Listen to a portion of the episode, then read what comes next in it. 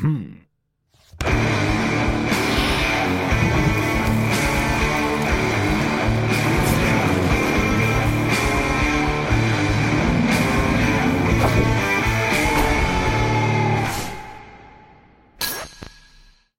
Dobrodošli u novi podcast koji će specijalnu epizodu danas koji se strašno radujem, ali pre nego što počnemo samo da odradimo formalni deo pa da nastavimo sa ovim našim. Dakle, pre svega želim da pozdravim naše partnere iz Volta, kućne dostave, koji su za vreme epidemije zaista imali genijalnu uslugu bez kontaktne dostave, koju ukoliko želite praktikuju i dalje, naravno.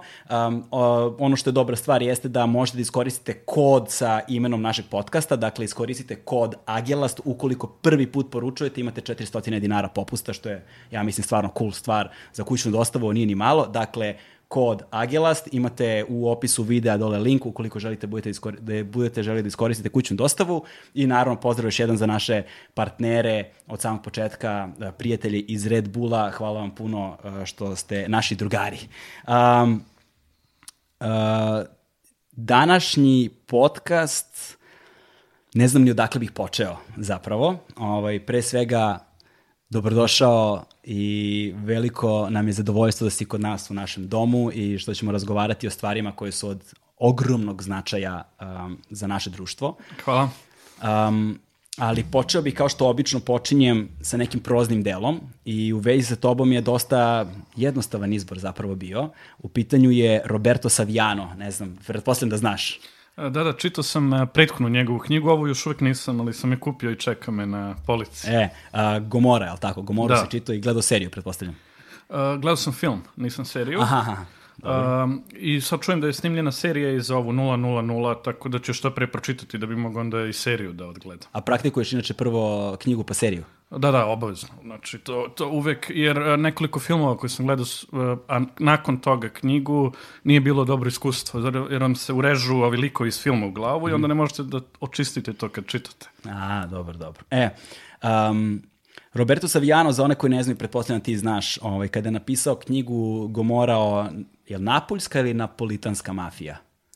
Uh, napoljska. Napoljska, a? Da. E, kada je napisao um, knjigu o napoljskoj mafiji, ucenjena mu je glava bila, to je bilo 2006. godine, i ono tada zapravo ne živi, ne spava dva puta pod istim krovom, od evo koliko već ima, čovječ 14 godina. A, tako? Da, da, ja sam tad njega i upoznao, bio sam na konferenciji gde su, da je on uh, gostovao, to je baš bio taj neki period nakon objavljene knjige. Mm -hmm. Problem je bio zato što je on radio taj undercover posao, on je praktično se nije predstavljao kao novinar i uspo je da uđe u kontakt s nekim ljudima iz mafije italijanske i kasnije objavljio se te njihove razgovore i onda ga to ugrozilo zato što prepostavljam da mafija ne prašta kada, kada ih prevarite na takav način i to jeste jedan najrizičniji deo novinarskog posla su upravo te kao undercover akcije.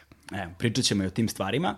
Uh, I on je, pošto, pošto je objavljena knjiga, ucenjena mu je glava na ne znam koliko i od tada je pod policijskom zaštitom i ne spava dva puta pod istim uh, krovom i kada je bilo postavljeno pitanje zašto se prosto ne oceli iz Italije, uh, oni su bili u fazonu sigurniji u Italiji jer tu država može da ga čuva jer ruka mafije je van države mnogo duža od uh, ruke vlasti unutar države, tako da mu je sigurniji zapravo pod policijskom zaštitom u samoj Italiji.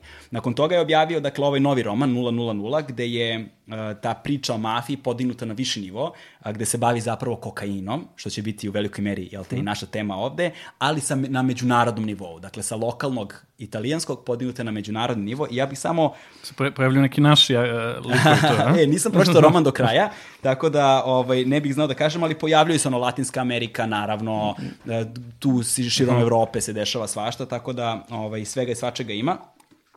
Uvodni deo je vrlo simptomatičan uh, kada govorimo o tome kakvu poziciju u društvu kokain ima danas, je li tako?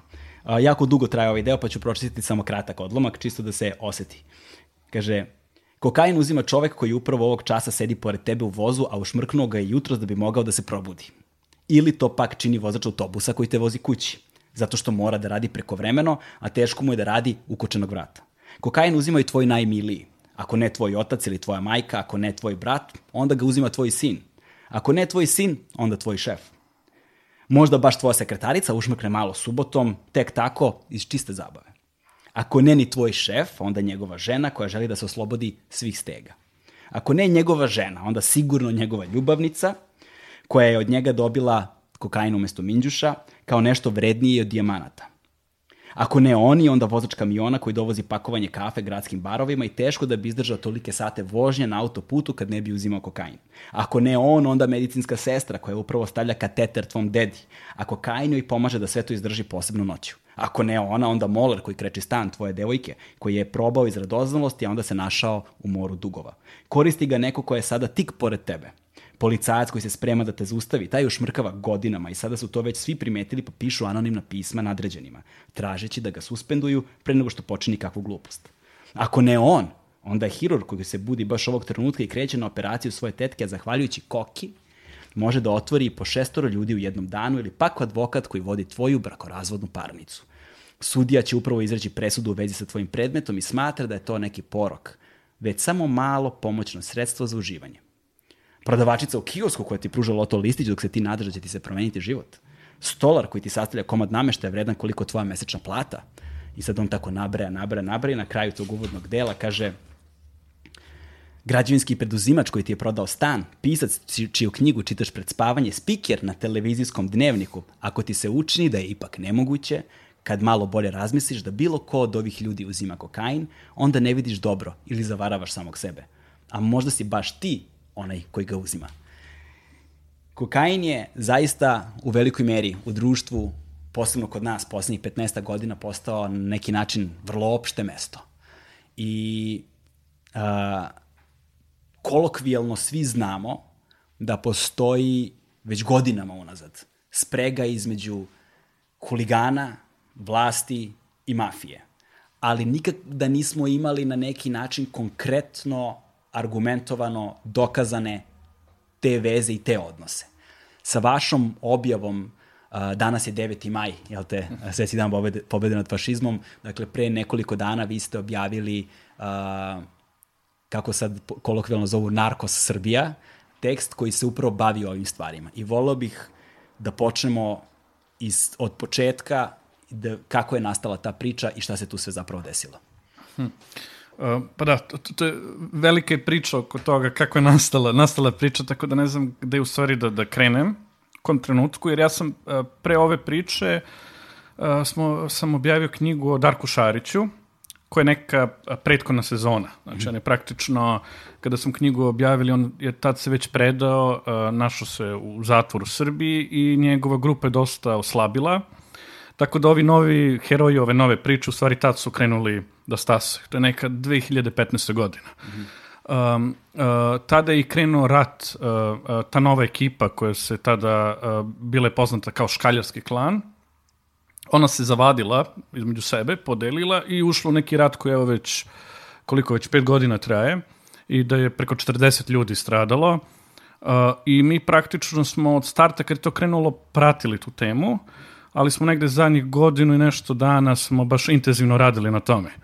I, I razlog zašto je u stvari ova priča ovako dobro prošla, zato što je baš onako sazrela. Nismo žurili da je objavimo ranije, nego smo hteli da imamo uh, sve segmente uh, dokazane, znači da imamo dokaze za sve ključne segmente koji svi zajedno treba da dokažu i da objasne šta se desilo. Tako da smo znali da nam treba pod jedan uh, da imamo jasno dokaze da čitacima pokažemo ko je tu ko u tim grupama, Uh, da imamo dokazano do kraju tu vezu huligana sa ljudima iz vlasti, jer smo prepostavili da bez toga ne možemo da izađemo, jer je to jako bitan segment, jer on državu uključuje uh, u, celu, u celu tu stvar. I hteli smo da imamo neka onako, što se unjarstvo kaže, meso, znači da imamo neke uzbudljive ispovesti. I to smo na kraju našli posebno uh, ispovest uh, jednog, da kažem, dečaka, znači mladića, iz, uh, iz Južne Afrike koji je bio angažovan za ubistvo, nije ne, neverovatno živopisan način iznutra pokazao kako funkcioniš te stvari. Tako da kad smo imali sve te stvari zajedno, uh, onda smo bili u fazonu, ok, sad konačno stvarno možemo da izađemo, da objasnimo celu priču, znači sve segmente, da čitoci razumeju i, i imamo dovoljno onako uzbudljivog materijala da stvarno postane to, Narkos Balkan, kako, ne, kako da. su ga nazvali, generalno ljudi su u fazonu da treba da se ekranizuje, jer mislim da jeste stvarno jako uzbudljiva priča, čak uzbudljiva nekih stvarno sezona Narkosa, jer ima sve te elemente, uh, odnosi sa državom, ubistva, kriminalci, huligani, znači sve je zajedno tu. E sada, um, ono što mi je veoma drago, vratit ću se odmah na temu, ali dao si mi ono, dobar šlagvor da pomenem to i mislim da mnogim novinarskim redakcijama u velikoj meri to nedostaje i brojnim ljudima koji se bave nekim stvarima koji su od važne, zaista pravno, formalno važne za naše društvo, nedostaje im taj narativ, nedostaje im to pričanje priče, nedostaje im to što ti kažeš meso, te po znacima navoda uzbudljive stvari. Ove, ovaj, ljudi podcenjuju moć Priča, da. Priča. Pocenju moć priča u društvu i u, pub, među publikom. Vi zapravo imate spoj ta dva, što je zaista sjajno i to je ono što Krik negde uzdiže i na tom literarnom nivou iznad uh, prosečnog medija. E sada, rekao si da ste vi ovih pet godina pratili. Kako se prate te stvari? Uh, pa prate se tako što uh, dešavaju se neki događaj, ok, uh, napred negde se neko ubistvo i onda vi kao novinar produbljujete te događaje. Um, još kad smo radili Šarića, ja i, i neki od mojih kolega, pre svega Bojna Jovanović, za kojim je žao što nije, nije ovde, jer ona, ona je zajedno sa mnom ovu priču i uradila sad, mi smo izgradili neke kontakte sa ljudima iz različitih sfera. Znači, mislim, to nije neka tajna, to se dosta koristilo protiv mene, čak su obiljivali neke slike moje s nekim ljudima po tabloidima. Da, ja imam kontakti s nekim ljudima iz policije, imam kontakti s ljudima iz, iz kriminalne sfere, znači novinar kao i svaki policajac gradi izvore na svim stranama. I preko tih ljudi otplike mi saznamo šta se desi. Znači, ako se neko ubistvo uh, dogodi, znači mi odmah krenemo, okrenemo se redom. Znači, zovemo i ljude koje znamo iz policije, tužilaštva, iz, uh, iz sveta kriminala, neke, neki ljudi iz, iz politike znaju nešto o tome i na osnovu njih mi u suštini saznamo šta se dešava ali to je samo prvi korak. Mnogo je teži kasnije u stvari kako dokazati to. I onda u stvari taj istraživački deo posla u stvari obezbediti uh, slike, uh, fotografije, uh, videosnimke, dokumenta koji to dokažu. Tako da mnoge stvari mi vrlo brzo saznamo, uh, samo pitanje koliko možemo u stvari to da dokažemo. I ovu priču koju smo sad objavili, to smo i mi znali mnogo ranije, još na primjer 2015. samo je bio veliki dugi put da dođemo do ovih konkretnih dokaza. To je ono što je ključno jer ljudi dosta pocenjuju koliko stvari bitno da priča ima dokaze. Mislim, može svako da napiše sve, ali kad vi stavite konkretan dokaz, onda to izazove ovaj haos, kao što je prethodnih par dana, kad su nas svi živi uh, iz, iz vlade napali, zato što vide moć toga, jer to su neke stvari koje ni oni sami ne mogu da demontuju. Znači, niko nije demontovao autentičnost, na primjer, fotografije koje smo objavili, na kojoj se vidi predsednikov sin uh, sa ljudima iz jedne kriminalne grupe, uh, napali su na druge načine, ali niko nije rekao da to nije tačno, zato što i to je ta moć tih dokaza. E sad, tako da praktično tih pet godina mi smo, dešavala su se ubistva i mi smo obeljivali vesti kratke ubistvima. Tipo, ubijen ovaj kriminalac, gde smo mogli malo da pokažemo više iza šta se desilo, to smo, to smo objasnili. Dosta tih ubistva se desilo i mi smo primetili da u jednom trenutku čitavci naši, a mislim i šire, jer i drugi mediji su tako samo jedne kao segmente objavljivali, nisu razumeli u stvari širu sliku šta se tu dešava, ko tu koga ubija, ko ratuje s kim, ko su ti kriminalci. Znači, jedno je postojalo uh, uh, puno uh, vesti o tome, ali nije bila jedna priča koja će sve da poveže. I onda smo razumeli da je mnogo bitno da napravimo jedno veliko delo koje će u stvari da spoji sve to što se dešavalo pet godina i da ljudima da neku mapu da mogu da razumeju ko je na kojoj strani, ko je povezan sa vlasti, ko ne. E, i onda smo, to je, znači, bilo pre nekih možda godina i po dana, smo seli i rekli, ok, ajde da napravimo jednu veliku stvar, mm -hmm. ali da bi napravili tu veku, veliku stvar, uh, nam je falilo dosta toga.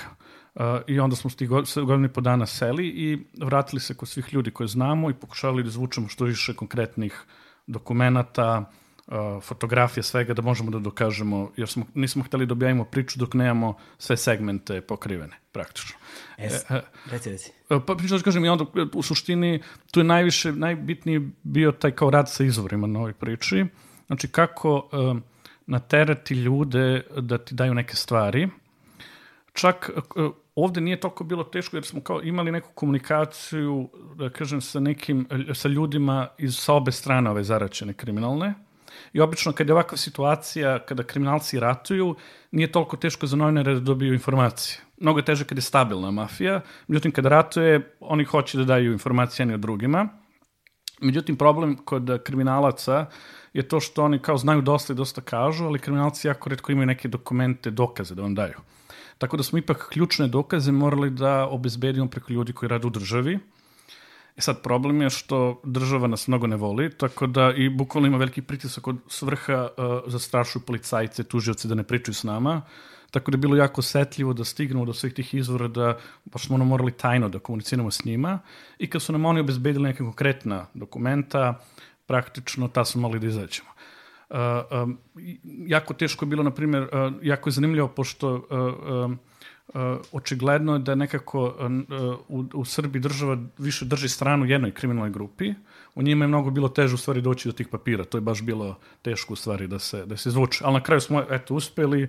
Uh, mislim, nikad nije dosta. Znači, ima stvari koje fale u ovoj priči. Ali to je bio onaj trenutak kad smo imali dovoljno da smo mogli da ispričamo. I onda smo rešili da izađemo u javnost. Da, e sad, pomenuo si dakle da je držala stranu jednoj kriminalnoj grupi, da pomenemo sad i koja je ta kriminal, druga kriminalna grupa, pošto si pomenuo samo jednu. Ovaj, zapravo škaljari su tako ratovali među sobom. Da, oni su bili jedan, jedan klan. Mm -hmm. Znači, praktično, pošto, u stvari da krenemo odavde, jer uh, svi znaju za Darka Šarića, on je ono međunarodno poznat. Kad otputujem uh, u bilo koju zemlju na svetu, bukvalno i pričam s policijom, spomenete Šarić, svi ga znaju. Tako da, čisto, da, on je znači, kao bukvalno na, na tom nivou. Ono, odem, uh, ne znam, u Peru ili odem u Holandiju, pričate, senete s tužiocem, policajcem, on je referenca. Ok, kao što je Pablo Escobar bio uh, za, za, za, za Kolumbiju. Tako da krenemo njega. Znači, on je praktično, on je dosta uh, pogođen tim uh, policijskim operacijama 2009. godine koji su se desile. Znači, on je stvarno imao jednu, jednu moćnu kriminalnu organizaciju koju je napravio, međutim, dosta su ga uništili tad. Kad kažeš moćnu kriminalnu organizaciju, koju veličini govorimo? Daj mi neki broj, koji je to broj ljudi? Ni ja, znači, kao napisam knjigu njemu, ni ja ne znam uh, uh, tačan broj, to su kao stotine ljudi koji su radili svud u svetu, zato ne može se zbrojiti. Znači, on imao onako organizacione jedinice, u, u, ovde na Balkanu, imao je u Italiji, po raznim evropskim zemljama, u Južnoj Americi, u nekoliko zemalja tamo, i sve su to bile kao male, sitnije grupice. I jako je teško doći do končnog broja, bukvalno, kao što je jako teško doći do končnog broja novca koji je zaradio, ali to je očigledno bila jako moćna mašinerija. Međutim, e, na njih je udarila e, takođe jedna ozbiljna mreža, znači to su bili e, policijski i tužilački organi različitih zemalja. Znači, njega su i, i, i sa Balkana različite policije tužilaštva, i italijanska, i američka, iz Južne Amerike. I kad se napravi baš tako velika ekipa, teško možete da preživite. I tako da su ga oni baš, uh, Amerikanci, DEA je vodila praktično, oni su bili mentori cele te ekipe. Uh, tu je dosta dobar, morate pohvalim čak i našu biju, ona je ozbiljan posao uradila sa našim tužilaštvom za organizovani kriminal. Uh, i vidi se da tih godina država stvarno tela da se obračuna sa Šarićom grupom, to je tad bila 2009. I, um, i ta velika policijske snage međunarodne su poprilično onako slomile taj njegov kartel, on se nalazio neko vreme u bekstvu i na kraju se predao. I sada mu se još uvek sudi. Znači, to je jedna sramota da, evo, koliko je prošlo, skoro 12 godina i Darko Šarić još uvijek nije završen sudski postupak, koji ima dosta nekih problema, da ne ulazim druge priče, ali ono što je bitno, znači praktično on je tu dosta je pogođen tom akcijom i onda jedan taj škarski klan je bio mnogo manja grupa koja je iz Kotora radila, u senci njegov. Znači, nisu bili toliko značajni igrači to vreme, međutim, oni su iskoristili taj njegov slom i onda su vrlo brzo porasli u tom biznisu, preuzeli. Međutim, mislim da oni nikad nisu bili taj kapacitet kao Šarić. Naprimjer, ako gledamo Šarić, za tih pet godina gde funkcionišu na vrhu, kada sam izučavao njegovu grupu, oni su radili kao sat, kao prava ekipa i nije bilo nešto mnogo nekih tenzija iznutra. On je, uh, ja kažem, Šarić je bio jako dobar menadžer i znao je da vodi tu priču. Harizmatični vođa. pa, pa jeste, on jeste kao, uh, kao, on jeste harizmatičan, kao, na primjer, odete u sud i slušate njegove pojavljivanja, stvarno je jako interesantan lik i znao je da vodi tu tu ekipu, tako da nije bilo nekih mnogo tenzija kod njega unutra. Međutim, očigledno da ova mnogo manja ekipa škaljari od jedan put, ja mislim da je to taj problem. Bili su mali i onda su jedan put imali veliko polje i postali su ogromni, ali mislim da nisu bili kalibar za to. Suviše su, koliko vidimo, bili brutalna ekipa. Naprimer, Šarić ošte nije bio brutalan kriminalac. Jako malo ubistva je vezano za njegov period. Mm -hmm. Ovi likovi su porasli jedan put i onda su krenuli međusobno da se svađaju unutra. Znači, uglavnom da su bile svađe oko toga kako će da podele novac oko prodaje droge. Znači, hiljada nekih problema su, su krenuli da prave jako brzo. Uh, Kad kažeš jako brzo, koliko brzo? Pa znači, Šarićeva grupa je praktično 2010. 2009. i 10. potonula e, i ovaj klan je uh, porasao i oni već posle, napravim, dve godine su već krenuli neke tensije. Mm -hmm. I onda 2014. se desio i događaj da je sve puklo. To je praktično uh, bila svađa oko samo 200 kila kokaina. Kaže, 200, samo. pa samo, jer stvarno, to je, i to je jako neverovatno, kad smo čitali te papire, koliko su ubistva desilo samo zbog 200 kg kokaina. Za veliko to stvarno nije nešto. Znači, pričamo o ekipi koja može tone da, da prošvercuje i oni su se posvađali zbog 200 kila kokaina do tog nivoa da se sad bukvalno čiste do samog istrebljenja.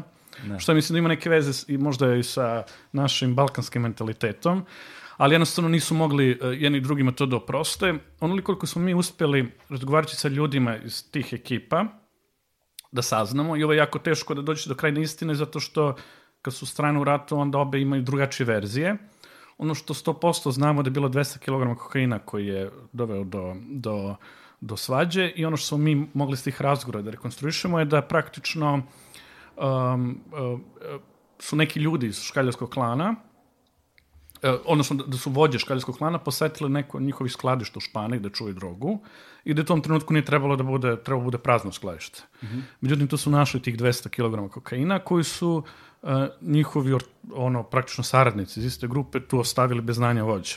Znači oni su vjerojatno kao nešto svoje tu praktično skladištili i to se vođama nije dopalo pošto oni su praktično finansiraju celu operaciju, nisu nalazi za to i da bi ih kaznili oni su im praktično uh, oduzeli tu drogu mm -hmm.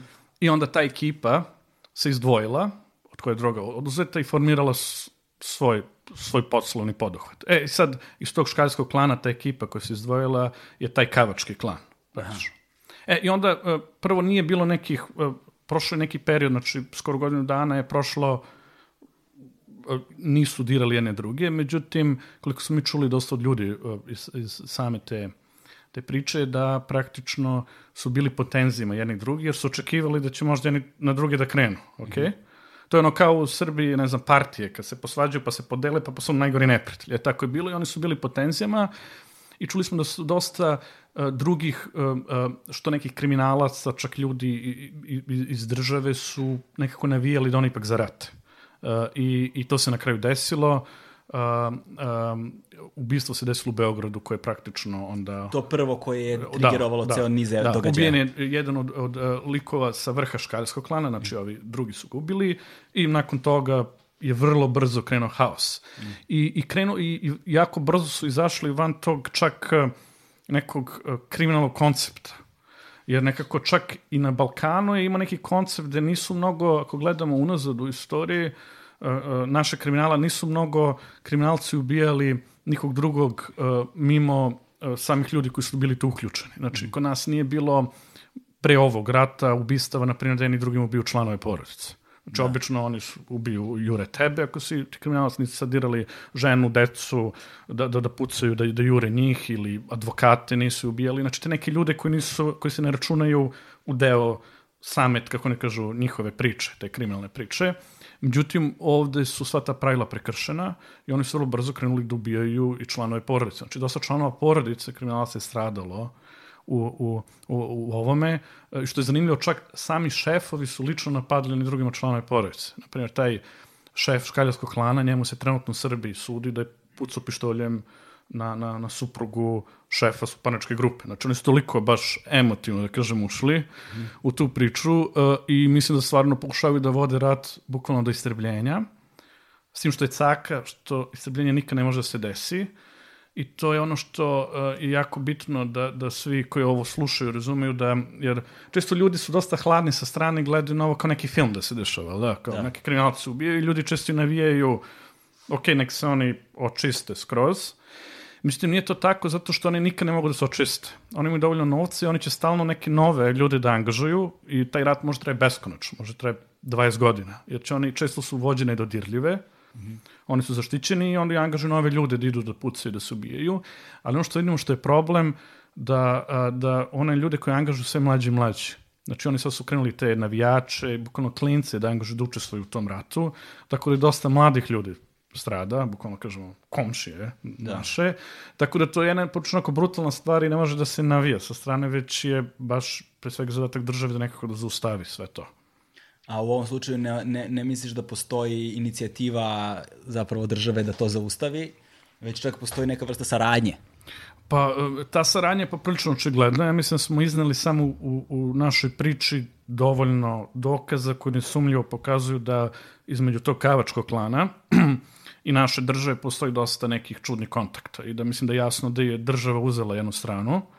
Postoje čak i, mi smo čak, u, kako kažem, u tekst smo stali samo ključne stvari. Znači, postoje sad to kao mogu znasim još niz nekih drugih, Uh, samo nismo teli da preteramo tekstu, jer mislim da smo dovoljno tu tezu uspeli da ojačamo konkretnim da. stvarima koje smo našli, ali nekako jasno da praktično naša država mi deluje da se uh, uh, drži stranu jednoj grupi ili bolje kažem obračunava samo sa drugom. Mi smo analizirali um, u stvari ono što, kako smo stvari mi, mi skontali to, evo sad ću ti reći, kad smo radili ove priče. Znači, mi nismo znali sad da, mi smo pratili ta ubistva, znači, koji se dešavali među klanova i nismo sad imali neku ideju, uh, niti smo znali koju poziciju država tu uzima, sve dok se nije desilo ubistvo uh, Aleksandar Stanković, poznato kao Sale Mutavi, jako poznata figura u Srbiji, E, i u tom trenutku reakcijom države, država je mnogo emotivno reagovala na njegovo ubistvo, se u stvari sama država razotkrila na čijoj strani.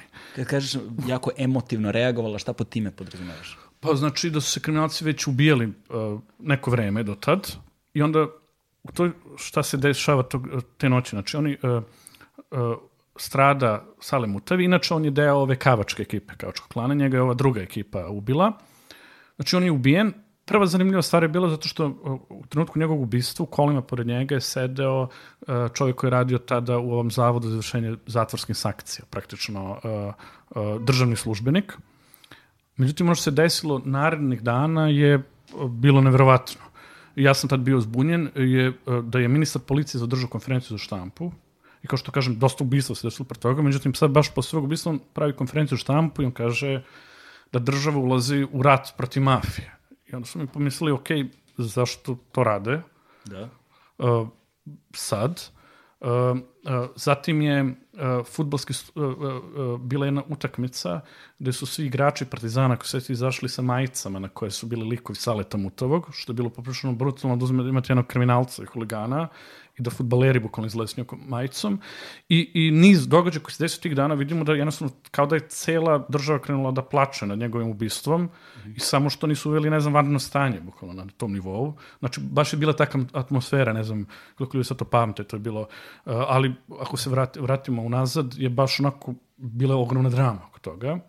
I onda sam, uh, sam, sam, smo tad sedeli i, i skontali da ovde ima nešto dublje jer zašto bi država baš ovako, je meri reagovala mm -hmm. na ubistvo jednog kriminalca, za koga smo znali da je kriminalac, jer isto što je prva priča koju smo nakon toga uradili, tu radila moja koleginica Bojana Pavlović, je bila tada da smo prvo videli da je u stvari, kada je ubijen, Sale Mutev je već bio osuđen na šest godina zatvora, koliko sećam, jer je vodio grupu koja je, koja je prodavala drogu, praktično. I, i što je jako zanimljivo, angažuje bio maloletnike koji su bili njegovi dileri znači, to je skroz onako uh, uh, problem.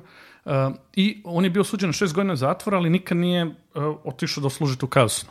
Znači, njega je bukvalno sud osudio i zato su, i posle toga praktično ga nisu pozvali da ode u zatvor već godinama. Pravo snažnost ili da. kako da. Ne, ne, ne, već je bilo pravosnažno, već da, sve da. gotovo i čovjek je trebao da ode u zatvor, međutim, uh, uh, nisu, ga, nisu ga poslali u zatvor i onda nam bilo jasno, ok, da ga je praktično država pustila na, na ulicu.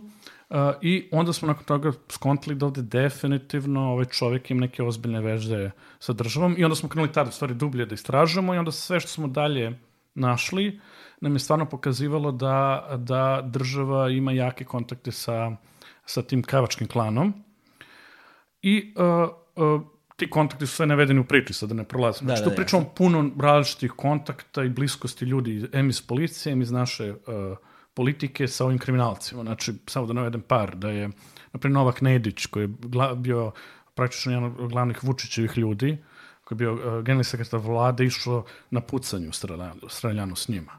Zatim, postoje dosta fotografija koje pokazuju tog Saleta Mutova i njegovih ljudi kako su zajedno navijaju na tribinama sa uh, Nenadom Vučkovićem Vučkom, koji je jedan od ključnih ljudi u žandarmeriji i koji je bio uh, dečko Dijana Hrkalović, čuvene, koji je bila drugi čovjek policije. Zatim ovo najnovije koje smo objavili, posle slike predsjednikovog sina sa tim ljudima. I tako dalje. Znači, jednostavno, uh, iz puno dokaze bilo jasno da država i policija imaju kontakte sa tim ljudima. Onda se, s druge strane, pošto je država už proglasila nakon njegovog ubistva taj rat sa mafijom, smo teli da koji su rezultati tog rata. Uh, I onda sam sa Bojanom, Bojanom Jovanović uzeo i, i skupili smo i analizirali znači sama hapšenja i akcije koje je policija uradila. Jer je policija napravila par akcija hapšenja i oni u medijima se pohvale, uhapsili smo kriminalnu grupu i onda smo tali koje tačno su članovi koje grupe ti ljudi i videli smo da praktično prethodnih godina policija isključivo hapsi samo jednu stranu. Ovo suprotno, škaljarce. Dakle, kad kažeš isključivo, dakle nisu ni jednog drugog uhapsili. Bukvalno uh, uhapsili su uh, par ovih huligana. Mm -hmm. I samo da objasnim, ti huligani oko tog saleta mutog, oni su nekako, oni su bili na dnu kavačkog klana. Znači, kao obično, uh, huligani su uvek na dnu kriminalne priče. Aha, kao neki oni, pešadinci. Ono, da, da, kao pešadinci. Tako da, sem par hapšenja koje država izvela tih uh, uh, huligana, koje su se neslavno završile zato što su oslobođene od sudu. Policiju hapsila, međutim, poslale kao ništa im nisu dokazali, pustili. Niko bitan, bukvalno, ni jedno ime nismo našli bitno iz Kajvačkog klana da je uhapšeno u Srbiji. Nije bilo. Sa druge strane, ako gledamo ovu drugu ekipu, Škaljski klan, tu je bilo niz hapšenja, i čak je i vođa sam Škaljskog klana je osuđen u Srbiji bio zbog uh, korišćenja falsifikovanog pasoša. On je sad uh, posle služene kazne poslatu u Crnu Goru. Tako da, i videli smo da je tu puno, znači to je dosta ljudi i nekako jasno je da je tu policija pristrasno pristupila i da bukvalno se obračunavala samo sa jednom ekipom. Upravo ovom koja je ubila tog Saleta Muktova, koja je povezan sa njima. Tako da, mislim da sve to, to jasno govori da je, da kažemo, da je država ispovezana sa jednom grupom i sada u takvoj okolnosti vi ne vodite pravi rat protiv mafije, to se tako ne vodi. Znači, pravi rat protiv mafije se vodi tako što ćete obe grupe da udarite. Da, ne i da selektivno. Da. Na ovaj način, kao sve što se radi selektivno, to na kraju ispadne još gore. Na ovaj način vi samo praktično čistite jedne, a pomažete drugima da rastu. Tako da, da je jako loše to što država radi. Nadam se da će to sad ljudi početi stvarno da, da vide i, i, i to je nešto što državni slučaj u stvari ne bi ne bi, uh, ne bi smelo da radi i ljudi dalje koji su povezani sa tim kriminalcima su i dalje na funkcijama. Naprimer, ovaj žandarm, taj Vučko, koji sam spomenuo, čak i pored svih tih objavljenih fotografija sa Saletom Mutavim i svega, on i dalje stoji tamo u vrhu žandarmerije, nije, nije smenjen, nije, čak policija sama nije proverila te njegove o, o, kontakte s njima, tako da su ti ljudi još uvek politički na moći i, uh, i je poprično jako loša stvar koja možete vidjeti baš upravo iz tih serija poput Narkosa kako se završava u stvarnosti. Da, to je dosta tragično, ne želimo, to, to sam te da kažem, vaš tekst zapravo nema epilog pravi, nego se samo završava u jednoj tački u kojoj kao nalazimo se u današnjem vremenu. Pa da, hteli smo da, da damo tu sliku što se desilo, znači praktično sada škaljarci su dosta izgubili, uh Mhm. -huh. zato što Uh, znači, koji, šta su oni uradili? Uh, taj škaljski klan iz Kotara, oni su se spojili sa jednom poprično onako uh, ozbiljnom i brutalnom ekipom. To je ekipa Luke Bojovića, koji, pošto je Luka Bojović sad u zatvor, nju vodi taj Filip Korać. I oni su jedni baš ozbiljni, brutalni kriminalci. Međutim, kavački stran, njihovi suparnici kavačkog klana su, ja mislim, se spojili sa ovim huliganima, koji su mnogo sitnija i manja ekipa, ali vrednost koju su oni imali je to što su bili jako isprepletani s državom. Tako da su oni stvari kupovinom naših huligana uspeli da naprave te očigledno kontakt u državi i očigledno to je bila pametnija odluka, jer trenutno, sad ako gledamo, Kavački klan raste, oni su mnogo jači, a škaljarci su dosta pogođeni i oni su bukvalno pred gašenjem, da kažem, sam škaljarski klan, uh, pogotovo u Grčkoj, sad u januaru im je ubijen jedan od, od dvojice vođa, drugi vođa je u zatvoru, više njihovih je istradalo prethodnih godina, tako da praktično Kavčani, da kažemo. Da. Ako gledamo kao utakmicu, Kavčani mislim da su sad mnogo, mnogo jači. A, šta to govori o našim perspektivama u budućnosti? Kakav ishod te stvari mogu da imaju sutra? Kako ta saradnja uska sa državom, šta to znači za sve nas? Pa, za nas je katastrofa, kao i uvek. Pre svega, pogotovo ako gledamo taj segment kakavačkog klana, te, te huligane, koji su poznati kao janičari. Inače, on, oni su očigledno ozbiljno zaštićena grupa kod nas i uh, ono što je tu najstrašnije je što često huligani uh, imaju dosta onako štete prave i generalno običnim građanima. Jer oni, uh, posao koji huligani imaju, sem dilovanja droge, to da, uh, da praktično obezbeđuju klube u Beogradu. Mislim, to nije pravo obezbeđenje, oni vam su u stvari nametnu kao obezbeđenje. Znači, vi ako imate noćni klub u Beogradu, oni će dođu da vam naprave neku štetu, da vam polome ceo klub i onda vi morate da im plaćate zašto, Reket. reket u suštini, da, i oni tu stave neke svoje ljude. E sad, tako da oni nisu ni pravo obezbeđenje, oni čak i ne znaju ništa o poslu uh, obezbeđenja, oni su jedna demonstracija sile i kao takvi često se desi s vremena na vreme da prebiju neke potpuno uh, goste klubova, znači nedužne ono, ljude, klince, bukvalno samo zato što ih popre, popreko pogledaju, oni uhvate i, i ubiju ih od batina. Znači imaju nekoliko ubistva koji su uh, Janjičari uradili.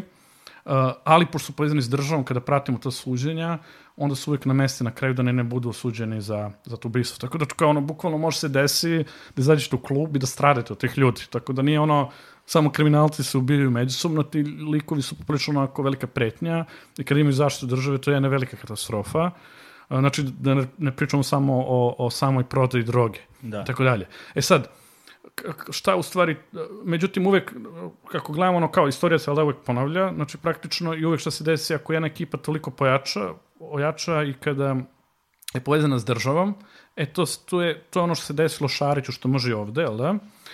Um, Šarić je dosta kupio ljudi iz politike, znači on je dosta bio uključen u to da uh, dobije ljude iz politike na svoju stranu. Znamo da čak ono, ministar policije naš, Ivica Dačić je bio, uh, radio sa njegovom ekipom, tako da uspo čak do tog nivoa da stigne. Međutim, ono što uvek, uh, i to je logika kriminalaca, da što više, na što jačim pozicijama stignu do ljudi iz politike, ali ono što je veliki minus te priče, da što više stignete i skorumpirate gore, kreće te stvari više da skreću pažnju, i, do, i do jednog trenutka postoji jedan veliki problem. Tako da uh, praktično uh, ono što smo mi čuli, što se vidi, e, mislimo da posebno sad kad su postale brutalnije i vidljivije te veze među Kavačkog klana i naše države, smo čuli da dosta različitih policija širom sveta, na primjer policajci u Nemačkoj i u nekim evropskim zemljama, počinju isto da vide te veze. A, što a, a, je veliki problem iz ugla prvog, zato što uh, će izgubiti dosta poverenja u našu policiju mm i onda će biti sve teže praviti neku međunarodnu saradnju, jer uh, neki nemački policajac koji uh, sam kroz svoju istragu sazna da je ovaj čovjek iz policije uh, povezan s tim kriminalcima, onda on dođe da s vama uh, zajedno se dogovara kako istražuje, to ne može da funkcioniš u stvarnosti. Tako da, uh, uh, to je kao velika sramota za nas, ali mislim i da dosta skreće pažnju ljudima sa strane šta se tu stvarno dešava i to na kraju uvek gradi priču na nivou da stigne do one kako je Šari završio. Jer praktično nijedna, da kažem, policija jedne zemlje nije dovoljno jaka da se obračuna protiv organizovanog kriminala. Jer kriminal, da.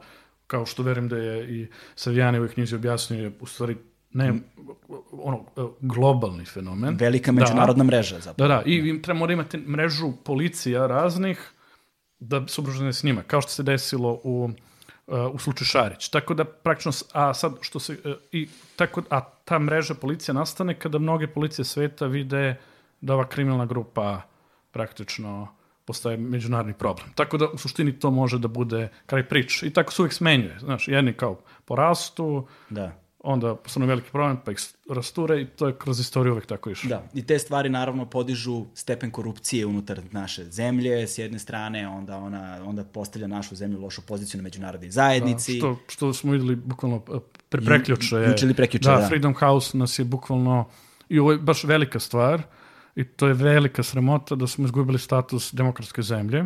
Mislim da smo taj status i ranije izgubili, ali nikad nije ovako nije zvan, jasno, da. Da, nije zvanično stavljeno na crno da, na belo. Da, i mislim da naravno na to u dobroj meri utiče sve ovo o čemu pričamo, jer jednostavno nijena država uh, koja sebe uh, hoće da naziva demokratsko ne može da dozvoli toliku involvement, uh, uh, toliku uh, uključenost mafije i povezano sa nekim ljudima na vlasti. Mislim da smo tu uh, poprično onako preterali.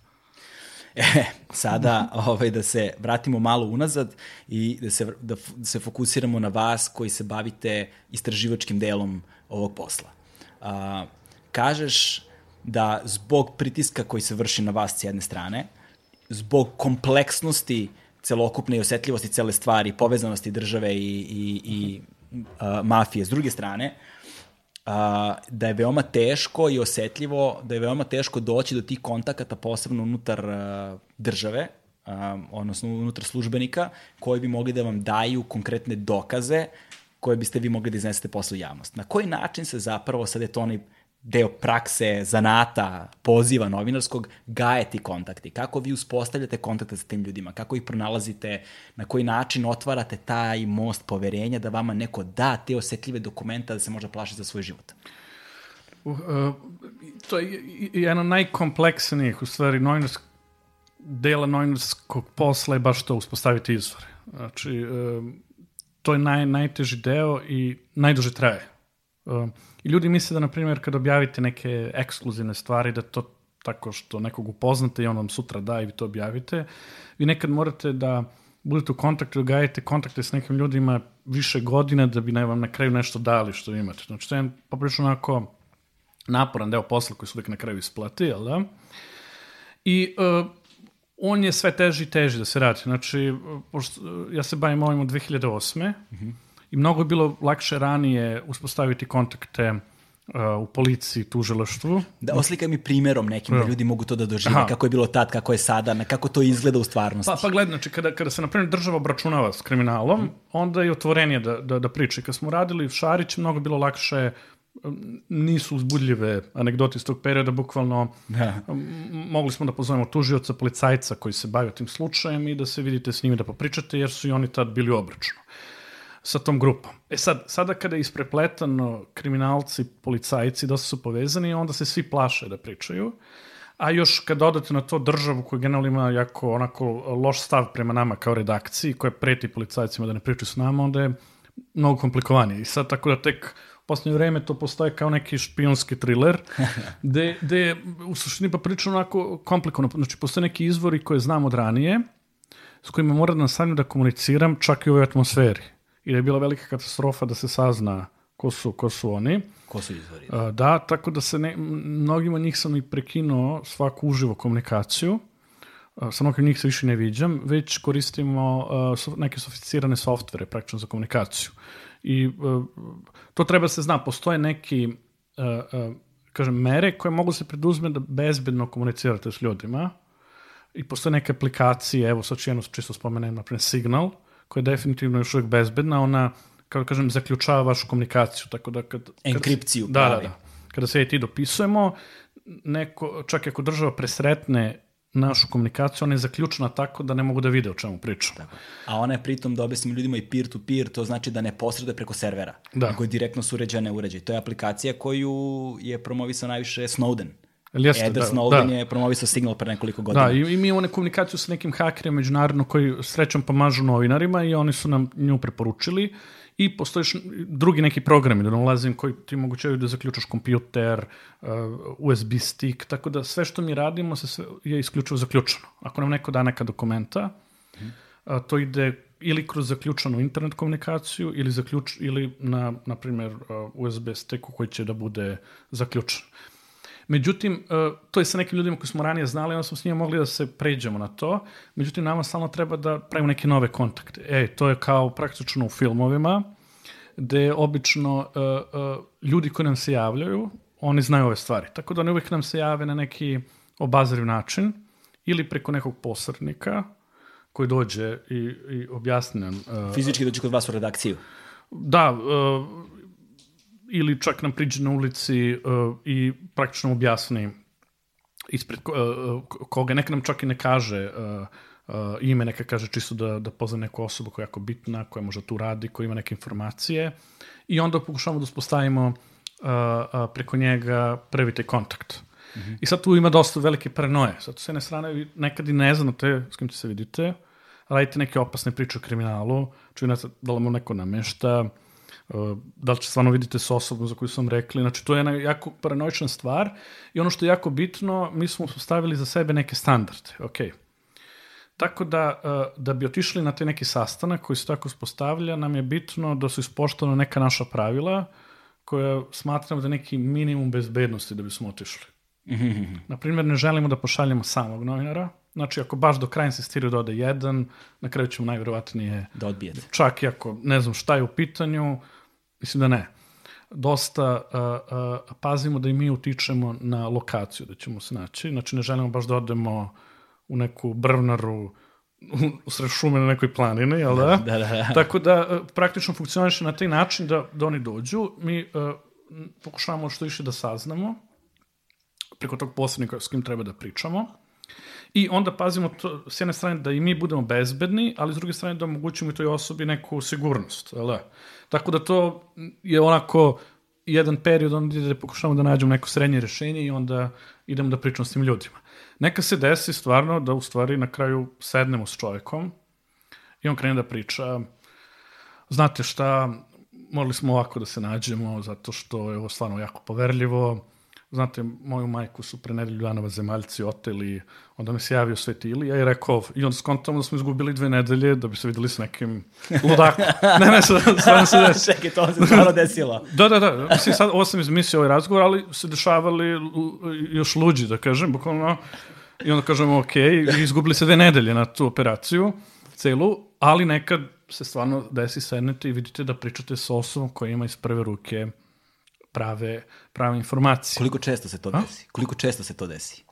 Pa, mi smo se sad malo izvežbali tako da smo sve bolji u proceni, tako da sada sve češće sa ozbiljnim ljudima pričamo. Aha. Ranije smo imali više tih... Uh, promašaja. Uh, da, da, bukvalno promašaja. Mislim, dešavalo se svašta, dešavalo se da nam ljudi, na primer, um, uh, ima nekih nevjerojatno dobrih prevaranata, to nam se dešavalo, koji nam neku savršenu priču slože, kako ima neki video koji, ne znam, neku korupciju nešto prikazuje, uh, i to toliko precizno i dobro urade, da stvarno deluje skroz autentično do samog kraja da pokušavaju onda da, da, da neki novac od nas izvuku Aha. za taj video i onda polako priča krenu da se ruši. Tako da različiti prevaranti, ludaci dolazili, ali smo, su nam se javili ozbiljni ljudi preko kojih smo i stigli do ovih stvari koje ovde imamo. Ali da to su uglavnom ljudi, pričam sa stanovišta države, znači to su ljudi da. koji, naprimjer, kažem, rade u policiji, u tužiloštvu i koji znaju da ako bi bili viđeni sa nama, bi bili žestoko kažnjeni. Znači, bili bi disciplinski kažnjeni u policiji, spušteni nekom niže radno mesto da. i država stvarno se obračunava sa svakim ko pokušava da, da priča sa strane. A s druge strane, to su kad ljudi kad koji kažeš, su... Kad, izviniš da te prekidam, kad kažeš država se obračunava sa svima koji pokušavaju da pričaju sa strane, na koji način se to država obračunava? Pa nama se, na primjer, desilo, evo reći ću jedan primer, um, um, ok, ne, ne mora da imenujem, ali dovoljno, na primjer, radili smo jednu priču o Air Srbiji, o tome koliko je država neke donacije dala toj poluprivatnoj firmi, mm -hmm. uh, uprkos tome što je, što je rekla da neće. Uh, I sad, na primjer, tu smo imali uh, pomoć, neke informacije su nam stigle od žene koja je bila uh, jedna od glavnih računovođa mm -hmm. toj firmi. Okay. A, to je starija žena uh, uh, koja je to uradila iz neke najbolje namere. Znači, ona je tamo radila i videla jedan veliki problem i nama je javila. Inače, žena koja je imala i, i, i tumor, mm -hmm. koja je bila pred penzijom i koja je kao pravi pravednik koji je stvarno tu radila iz, iz, iz najiskrenije namere. Međutim, i pošto je bila starija žena, ona nije poznavala ove metode, kao na primjer kad nam se neki policajac hoće kontaktira nas preko nekih sofisticiranih metoda, ona nam se jednostavno javila tako što nas pozvala na fiksni. Da. Ok. Nakon toga smo mi uh, s njom nastavili da, da komuniciramo poverljivo, ali nikad ne može više da izbrišete jedan poziv. Da. I mi smo pazali priču, nismo odmah objavili, nego smo pustili neki period da prođe I onda smo pustili priču, međutim, ja mislim da su oni preko ga uspeli neko stignu do nje i vrlo brzo nakon te priče ta žena je otpuštena pred penziju uh, i, i o, momentalno su je otpustili, čim su otkrili i, kao što kažem, ta žena je bolesna i mi nismo mogli nikako da, da joj Pomognete. da, da, da joj pomognemo i to je jedno, jedno stvarno jako loš osjećaj kada vidite da se to desi. E, I, I bilo i drugih slučajeva, imamo ovog e, iz Krušika, čovek koji je e, dostavio informacije novinaru, on je uhapšen, njemu će sad da se sudi. Tako da očigledno država ulaže veliki napor da istraži mm -hmm. ko sama komunicira i zato uh, ljudi, na primjer, s policije tuživo što dobro znaju, i, ali sa srećom, na primjer, oni znaju i kako da iskomuniciraju s nama da to bude skroz pažljivo. I, uh, i to uspe. Znači, uh, uh, u većini slučajeva država nije uspela na kraju da tvrdi koje nam je neki od tih informacija ko, ko nam je dostavljao. Tako da eto, u većini slučajeva praksa je dobra, ali se dešiti slučaj poput ove žene i ovog iz Krušika, znači ima slučaj da država ipak uspe da, da. da dođe do do uzbunjivača i uvek ih najbrutalnije kazne što može. Kada govorimo o uzbunjivačima, ovaj, to je vrlo osetljiva kategorija i ti saradnici, ti izvori su, ono, to je nešto što je kao kad se istražuju priče. Izvori i fikseri su ono, ljudi zlata vredni. Bez njih ništa od ovoga, svega ovoga ne bi postojalo. Um, koji su motivi najčešće sa kojima oni izlaze i koliko je zapravo veliki taj strah koji oni moraju da savladaju i to poverenje, odnosno nepoverenje u tom inicijalnom kontaktu? Pa, ima različiti motivi. Znači nisu svi pozitivci, postoje e, određeni e, ljudi koji su potpuno apsolutni pozitivci. Znači oni rade u nekoj instituciji i mhm. svedoci su nekog korupcije kriminala i njihovih šefova koji su uključeni u to i oni um, jednostavno vide da, nam, da jedini način da mogu nešto da pokušaju da promene je da dostave novinarima da se to bilo dani. Da. Znači izgriže savesti iz osjećanja pravde. Da, osjećanja to, pravde. Čak moralni, ne uče, kom, da, da, moralni kompas neki da, da, da Ima dosta ljudi takvi, oni su pravi heroji u ovom društvu.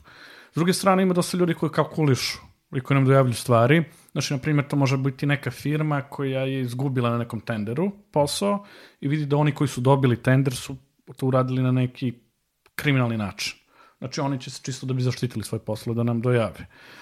Um, um, može da se desi takođe ono, evo, na primjer, često i kriminalci dojavljuju jedni protiv drugih. Tako da mogu da budu neki, uh, da kažem, uh, poslovni interesi, da. da se boriš za svoju poziciju, a možete biti heroj. Tako da sad to su sve različiti ti novinarski izvori, mm -hmm.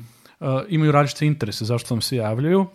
Um, e sad, na novinarima po meni nije, na nama je uvijek jako bitno da saznamo praktično šta je interes izvora, ali novinari ne treba budu mnogo škakljivi prema tome da sad uh, uh, preterano istražuju dakle to stigne. Za da. novinare je ono što je bitno šta na kraju dana vi imate i šta će vaši čitoci da saznaju od vas. Tako da često će i izvori uh, uh, uh, imati neki svoj interes, ali to nije razlog da zbog tog njihovog interesa vi ne objavite priču. Ako je dobra priča, kad pokazuje korupciju, vi je objavite. Jedino što mi radimo, mi pazimo da izvor ne kontroliše stvari. Što znači, na primjer, desit će se, na primjer, izvor je napravio neku kalkulaciju i on vam da informaciju i njegove želje, na primjer, to da ide, ne znam, sledeće nedelje, da bi neki uspeh napravio. E, ono što mi radimo, mi smo ti koji će da kontrolišu dan objavljivanja. I tu pazimo da u stvari mi budemo ti koji će da odlučimo kad će da bude objavljeno i na taj način izvor, kao kažem, gubi potpunu kontrolu, Mm -hmm. što je dobra stvar, jer tim stvari novinari održavaju nezavisnost. Tako da praktično, što ću kažem, ako je to vredno objavljivanja, dokazuje korupciju kriminal, to što nam je dao mi ćemo objaviti, ali mi ćemo izabrati trenutak. E sad, uh, možda je ono nategnuto, ali da li postoje trenuci kada izvor koji nije baš ono na, najčistije, najčisti, iz najčistih motiva i pobuda došao ka vama,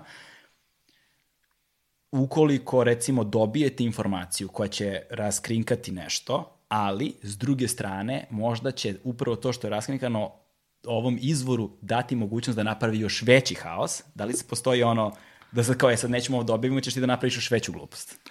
Pa, e, ja mislim da novinari e, ne mogu da prečute kru, dokaze o korupciji i kriminalu koji ima u ruka. Znači, jednostavno morate da objavite tu priču. Da. Ali to šta ako znaš da će zbog te priče možda sutra neko veći... E, onda ćemo da, da se bavimo njime, to je Aha. point. Znači, sam, e, jednostavno, ne, ne, ne, ako bi tako krenuli da razmišljamo, Jasne. onda bismo mi suviše ušli u nešto što nije naš posao, da pravimo mi kalkulacije oko toga. O potencijalnim ishodima. Da. Na nama je u stvari baš to, ok, objavit ćemo to, onda ćemo o njemu. I bitno je da nikad ne držimo nikome stranu, nas optužuju, na primjer, da radimo za opoziciju, a u isto vreme, s vremena na vreme će izaći ljudi iz SNS-a i citirat će naše priče o opoziciji javno. Znači, to, na primjer, mi smo objavili ceo ovaj kao imovinski karton Dragana Đilas. I sve one cifre koje spominju njemu, to u stvari s našeg sajta. Tako da, hoću kažem, to je novinarski posao. Jednostavno, ne, ne ulazimo u nikakve kalkulacije. Mi kada imamo praktično priču, nama je samo bitno da je dokazano, izlazimo,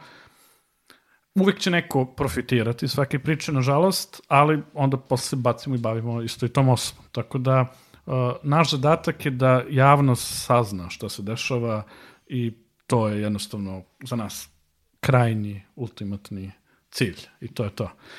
Tako da, da ne, ne, bih, ne, bi, ne bi nikad uh, ulazio preterano u te kalkulacije. I kažem, ono, um, znam da ti neki novinari tako razmišljaju, pa kad napravim kažu Naprimjer, mi kad bi imali dobru priču o korupciji u opoziciji sad, mi bismo je objavili odmah. Neki novinari bi rekli, ne, time slabimo opoziciju, ja ćemo vlast. Ne, mi bismo pustili. Sad samo je problem što je opozicija kod nas toliko razvlašćena, da oni više nema nikakav pristup nekom nivou da mogu da sada kradu neki novac, tako da, da. nema šta ni da, da objavimo, jer toliko su ovi izdominirali u nekoj normalnoj, da kažem, odnosu snaga, vjerojatno smo imali više priče o opoziciji. To ima veze s time što nismo više demokratska država. pa da, ali hoću kažem, da, spremni smo da objavljamo i ovima i, i ovima. Da, sviđa mi se taj, ovaj, ta reč, razvlašćeni. pa da, dok... Ove, ovaj, e sad, um, da li postoje neke konkretne obuke koje vi prolazite ili koje ste prolazili, kako se postupa sa izvorima, kako se izloče informacije, na koji način se one potvrđuju, kako se čuvaju bezbednosti protokoli i tako dalje. Da li postoje nekakvi utvrđeni koraci koje vi uh, znate koje su kao iz dobre prakse, recimo međunarodne, ili je nešto što ste vi morali u hodu sami da učite? Um, pa, do, dosta smo međunarodnu praksu pokupili. Malo smo neke stvari ovde, da kažem, doradili, ali u suštini uh, veći deo stvari koje ja i moja redakcija znamo o zaštiti izvora i bezbednosti smo naučili pre svega od novinarske mreže Organized Crime and Corruption Reporting Project, one poznate kao CRP. Mm -hmm. To je jedna od najvećih uh, svetskih novinarskih mreža, znači tu su novinari celog sveta koji se bavi istraživačkim novinarstvom. KRIK je deo te mreže i tu su ljudi koji su jako dugo u tom poslu i jako dobro znaju taj posao i koji se bave kriminalnom korupcijom bukvalno od Južne Amerike, Rusije, Evrope, Afrike, gde god. A, tako da a, a, praktično što smo mi uradili i kad smo krenuli sa krikom je bilo da što više preuzemo njihov model. Tako da dosta toga ne samo ko bezbednosti i način na koji a, istražujemo, radimo priče smo naučili od njih jer smo videli da to je prava priča, kako se radi posao, tako da, da smo od njih pokupili dosta tih znanja. Znači mi praktično, kada smo u nekoj jako komplikovanoj situaciji, koju ne znamo mi kako da rešimo, naprimjer što se tiče izvora, kome šta da se vere, kako šta da se izmeri, mi se često konsultujemo sa, naprimjer, njihovim urednicima, tako da pozovemo, ne znam, nekog poput Drew Sullivana, uh, uh, on je jako iskusan uh, Amerikanac koji pozna te stvari i koji radio sa tim novinarima i često, na primjer, njega dobijemo savjet kako neke stvari mogu da se da se reše tih problema. Jesu ti savjeti značajni, vam pomognu baš? Da, da, da, jako. Znači, nama jako znači što smo okolo te grupe, jer tu uvek na kraju možda dobijemo dobar savjet Pogotovo, na primjer, što tiče bezbednosti, oni dosta paze na to i dosta naš model, uh, taj kao security model koji imamo u Kriku, smo dosta od njih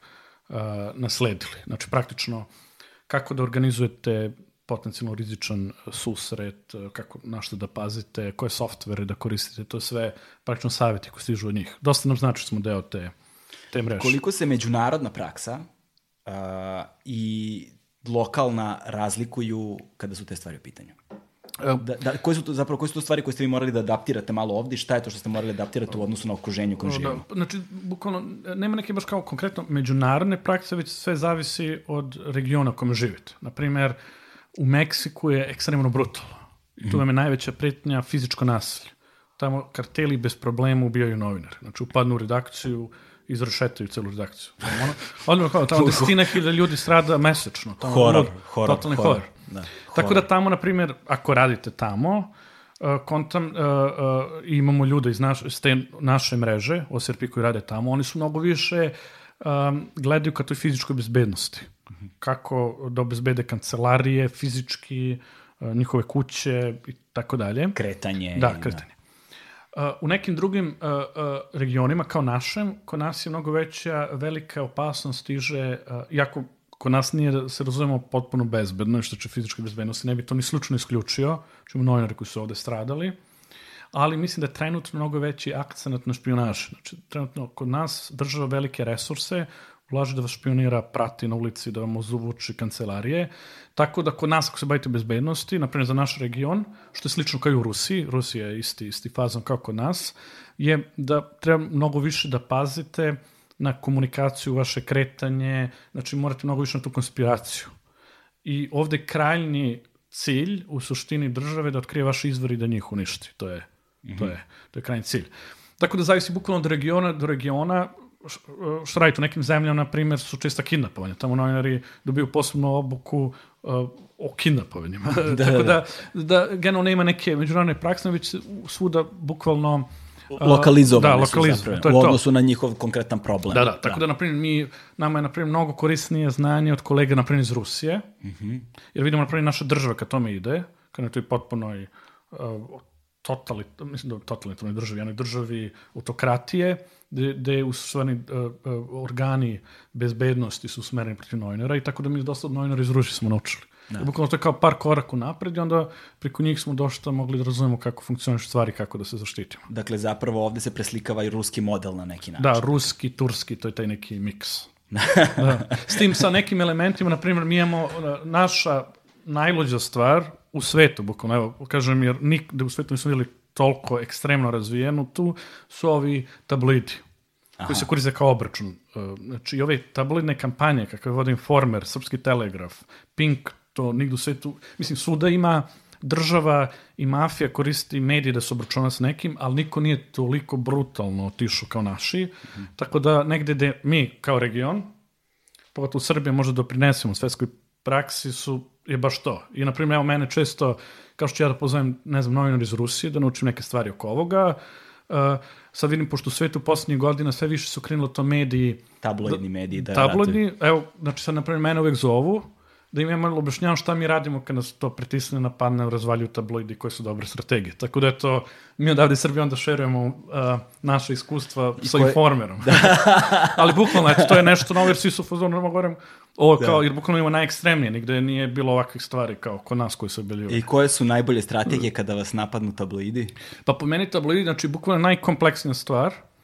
Tu uh, nema, ne možete da pobedite na kraju, ali da? mi smo testirali ceo sistem, da, htjeli smo imamo šta radi, šta ne radi, ok. Ono što nam je bilo najzne, najviše nas iznadilo da rade sudovi na tom nivou. Znači ja sam i tužio bio ove tabloide mm -hmm.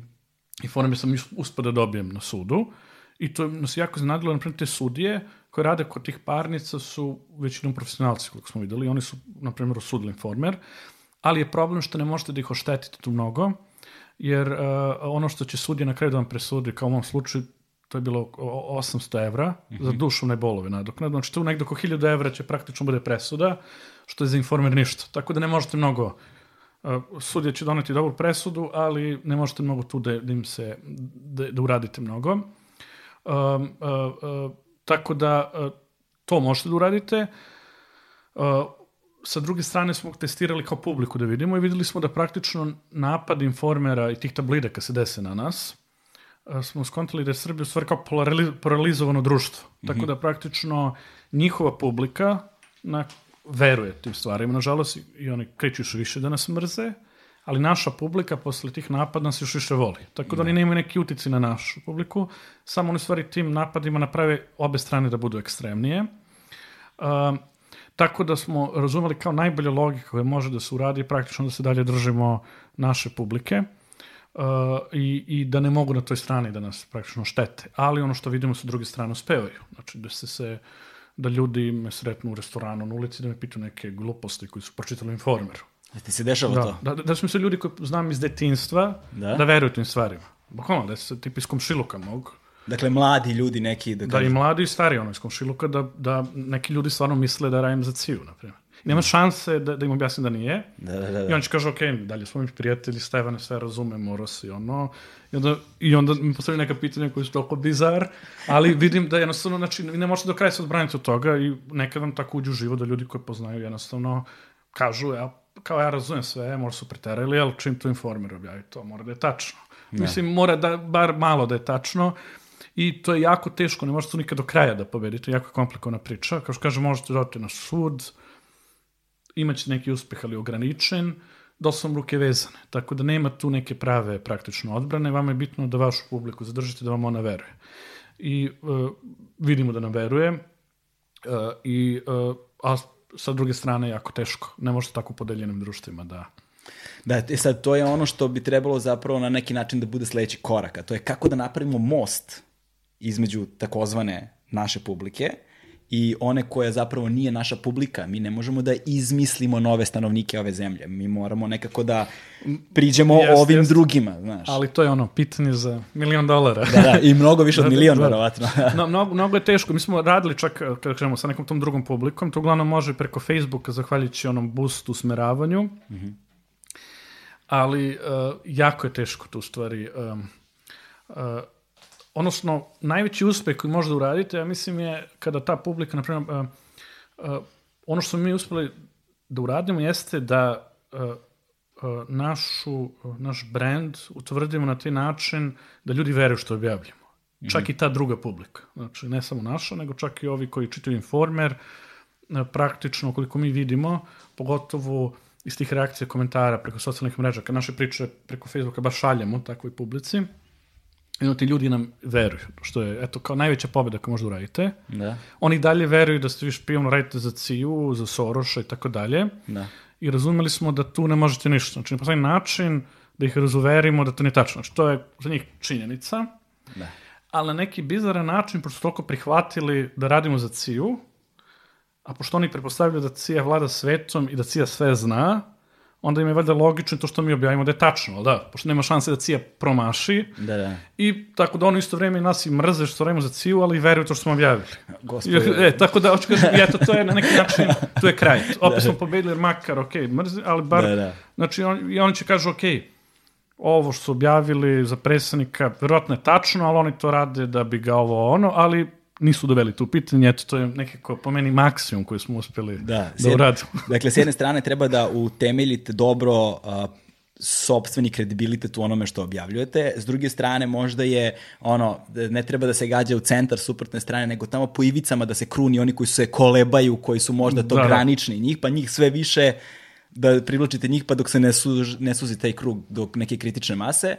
I treća stvar možda koja bi bila najbolja jeste da onime što radite poljuljate poverenje njihovo u ono u šta veruju zapravo na drugoj strani. Sad, koliko je to moguće, To je teško jer oni, eh, kako oni gledaju, znači ta publika, pričamo o ovima kao čitaju Informer i Pink, ta ekipa, kao što kažem, znači oni veruju da, da, da ovo što mi bilimo tačno, samo oni dodaju da mi imamo neki specijalni plan za padnjaka, ne znam koga, i zato smo objavili, ali oni veruju i da ono što Informer eh, objavlja tačno. I oni vide često, na primjer, to je problem kad sude uđe kod taksista, um, sećam se, bio je onaj period uh, kad je ono kurir malo ispao van ovog sistema, kad je kurir u stvari bio na, na suprotnoj strani. kad se su se izvinjavali Da, nešto Srbi, to, da. da. Sećam se u tom periodu kada uđem u taksi, taksi je kupi kurir informer. da. A to vreme, naprijed, kurir je prenosio sve naše priče, jer tada, tada su bili protiv vlasti u tom jednom kratkom periodu i taksi uvek kaže, ok, hoću da vidim što kaže vlast i što kaže ovi drugi,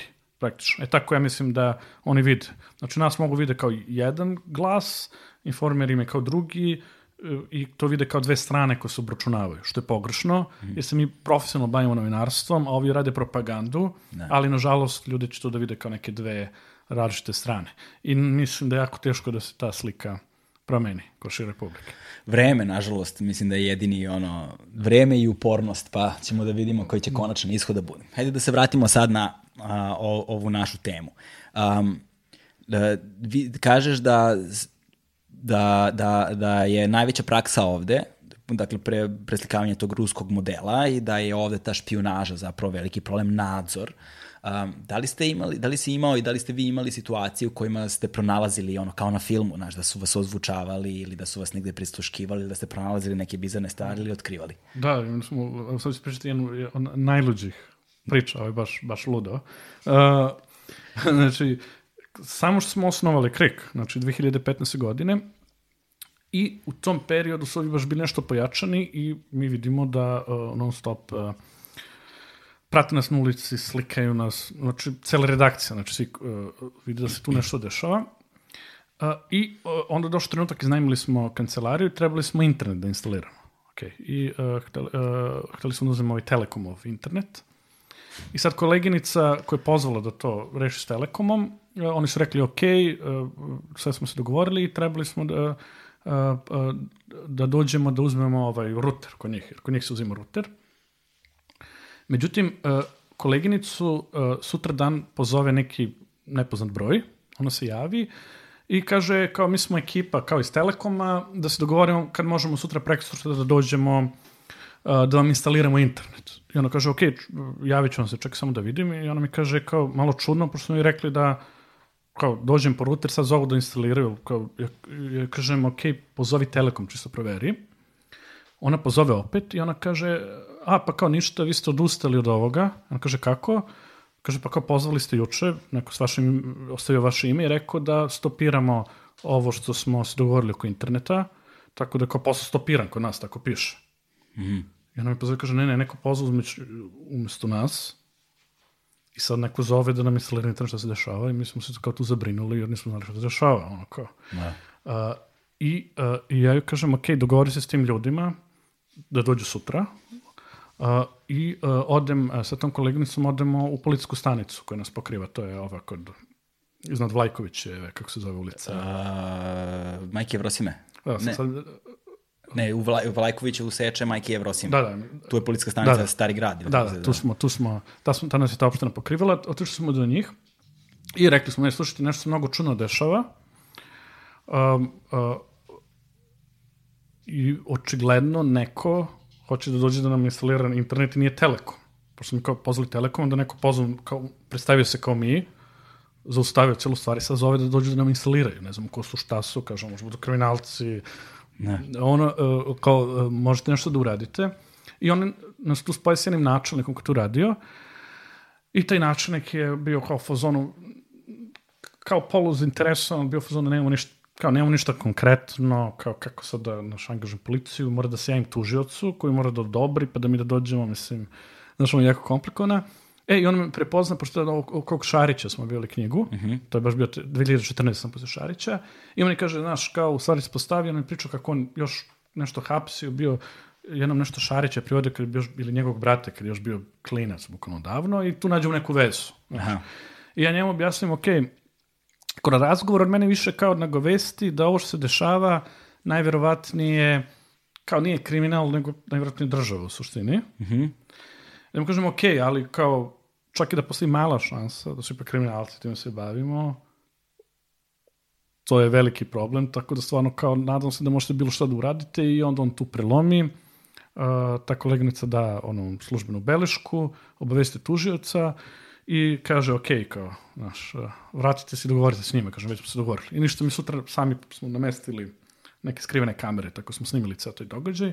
Došli su ti ljudi, sutra obučeni skroz u uniformi Telekoma, sve ok, čak kombi je bio takav. Uh, I on naš dogovor je bio da ih ne pustimo da instaliraju, samo da uđu i onda da ih zadržimo, dok dođe policajci. Aha, aha. Što je bilo sat vremena. A kako ćete da ih zadržite? E, to je jako zanimljivo. I po tome otprilike možda prepoznate ljude koji, uh, koji su, na primjer, rade u državnoj službi i koji špioniraju, da su oni trenirani, ne smeju da, uh, da kažem, da reaguju na pritisak koji izvršite na njima. Znači, na primjer, ako sedi za susanim stolom i slika vas, tajno, vi ako mu priđete, hoćete da zovete neki incident, on ne sme da vam vrati. Znači, on ne sme da uđe u neku tuču s vama ili ne znam, da se Da, svađa da. s vama. I po tome praktično, vidite, tako da praktično normalni radnici, što smo mi radili, mi smo sad, sad vremena dok nije došla policija, smo ih samo zadržali, rekli, ok, ništa, kao čeka, bez nekog objašnjenja smo ih bukvalno držali tu da stoje. I oni su onako poprično hladno sve to podneli. U- u- pitali smo ih da nam daju značke, lične, sve smo to i slikali, sve su bile ono fake.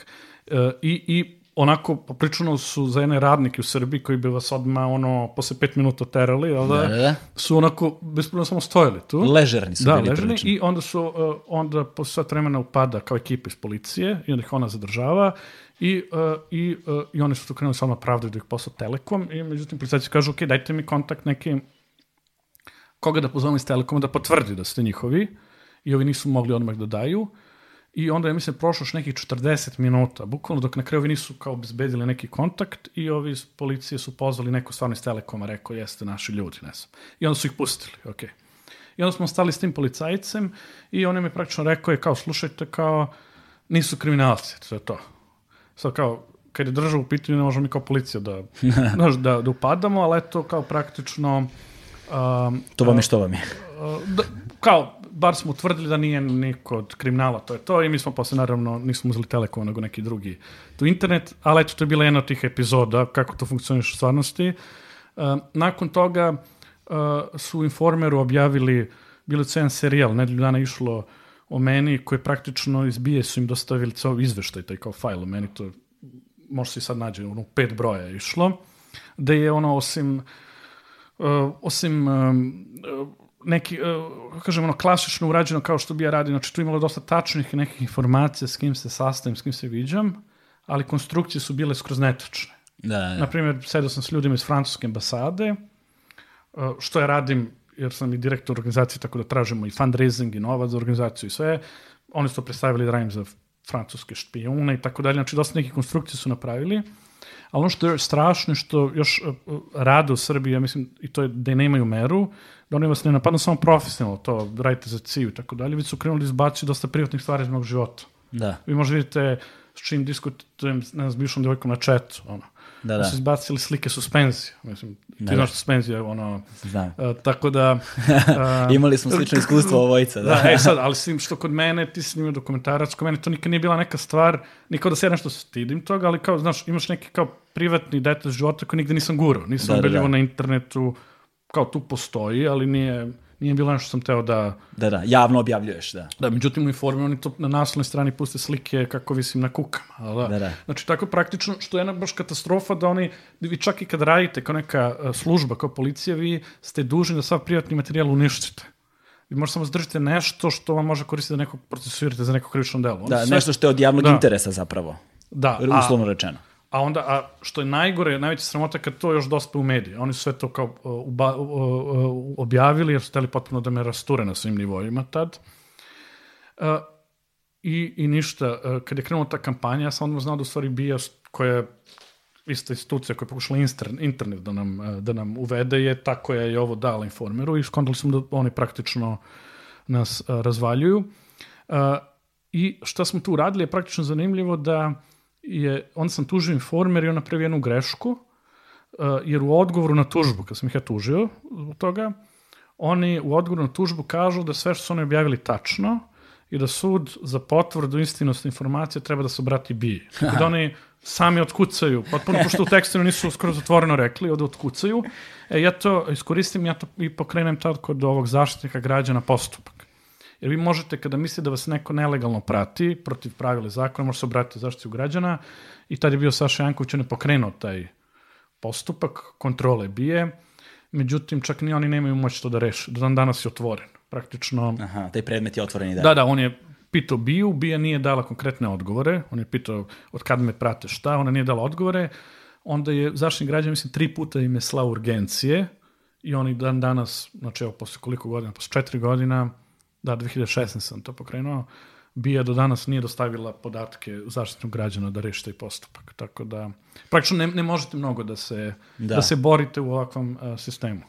Koji nije demokratski, Da. kako zvanično reče Freedom House. Pa da, oni, ka, oni su to samo konstatovali, to se, mislim, mnogo ranije sve to, Da, da, da. sve to videlo. Pa da, to se vidi. Ka, to, to je ono što smo govorili na početku kada je u pitanju ova priča o sukobu klanova, sprezi sa huliganima i vo, državom, gde postoje stvari koje mi kao stanovnici ove zemlje, kao građani, kolokvijalno znamo, kao nekakve javne tajne. Znaš. Svi znamo šta se dešava na splavovima, svi znamo šta se dešava sa obezbeđenjima, svi smo imali nekakva iskustva iz prve ruke, svi vidimo kako se menja svakodnevni život oko nas u našim okruženjima, ali niko od nas nema crno na belo dokaze.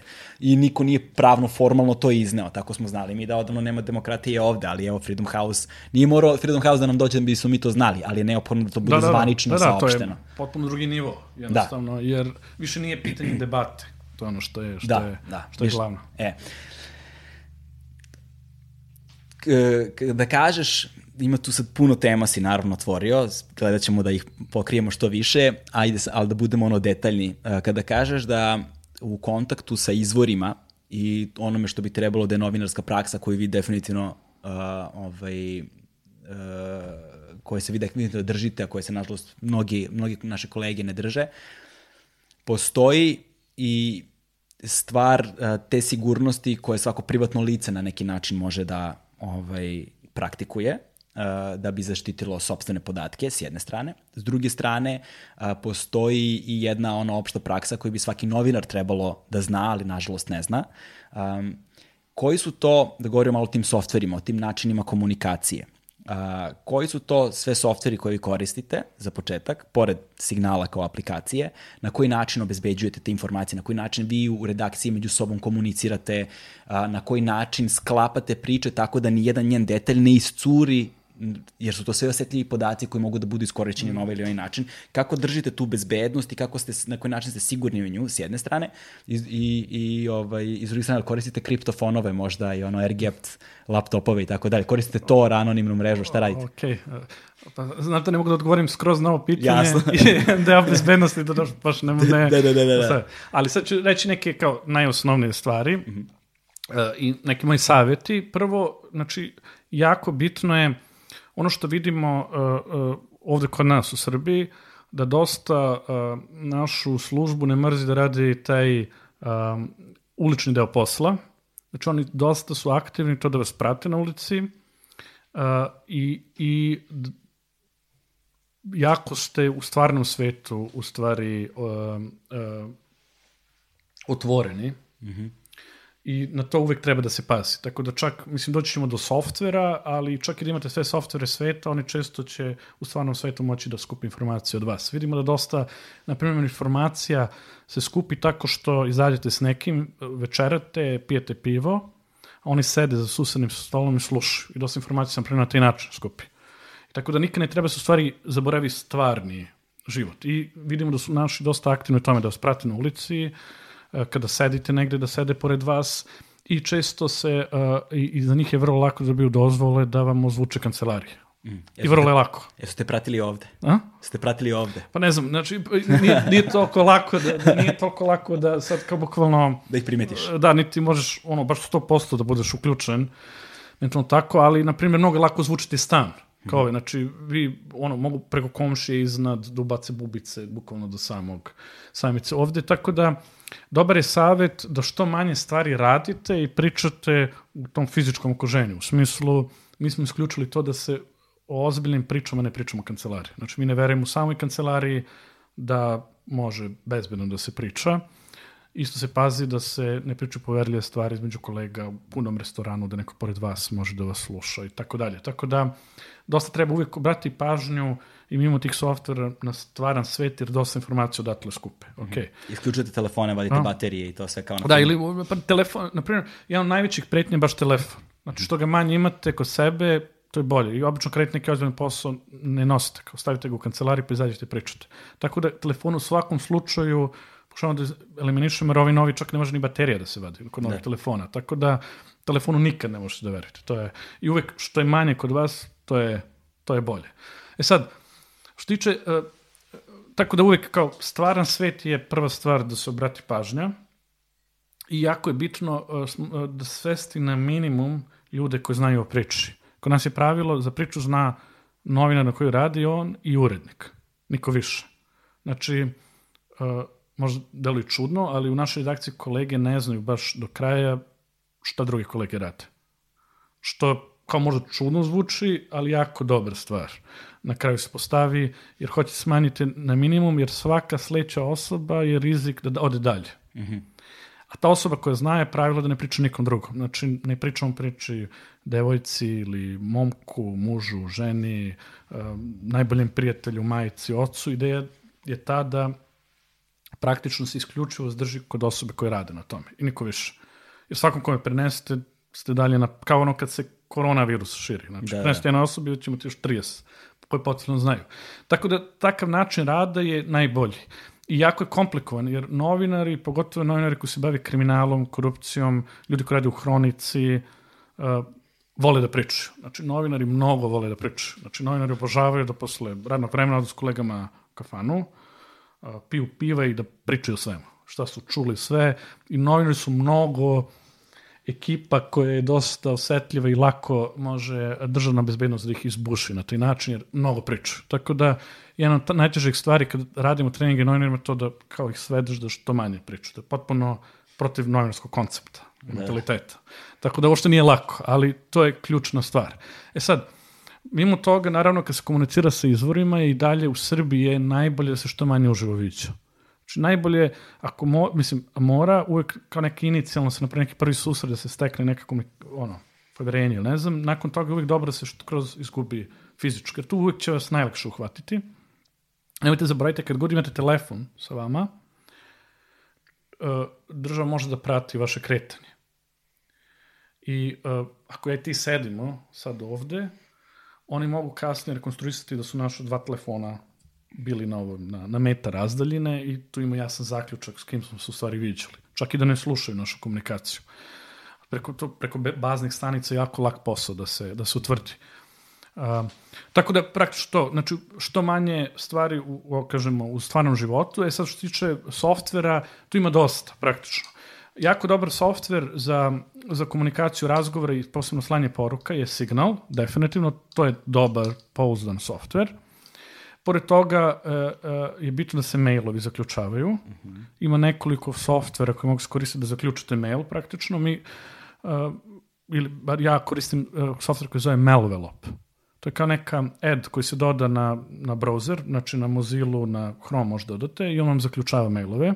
Jako jednostavno za korišćenje, zove se Mailvelop, tako da mm -hmm. uh, je, može sa, jako lako se instalira.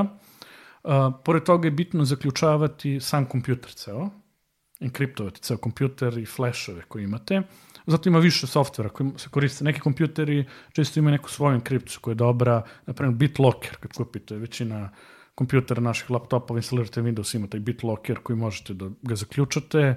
Pored toga postoji program VeraCrypt, se zove, koji dobro zaključava sve te stvari. Um, ovi kriptofonovi koji spomenuo, to smo imali. Um,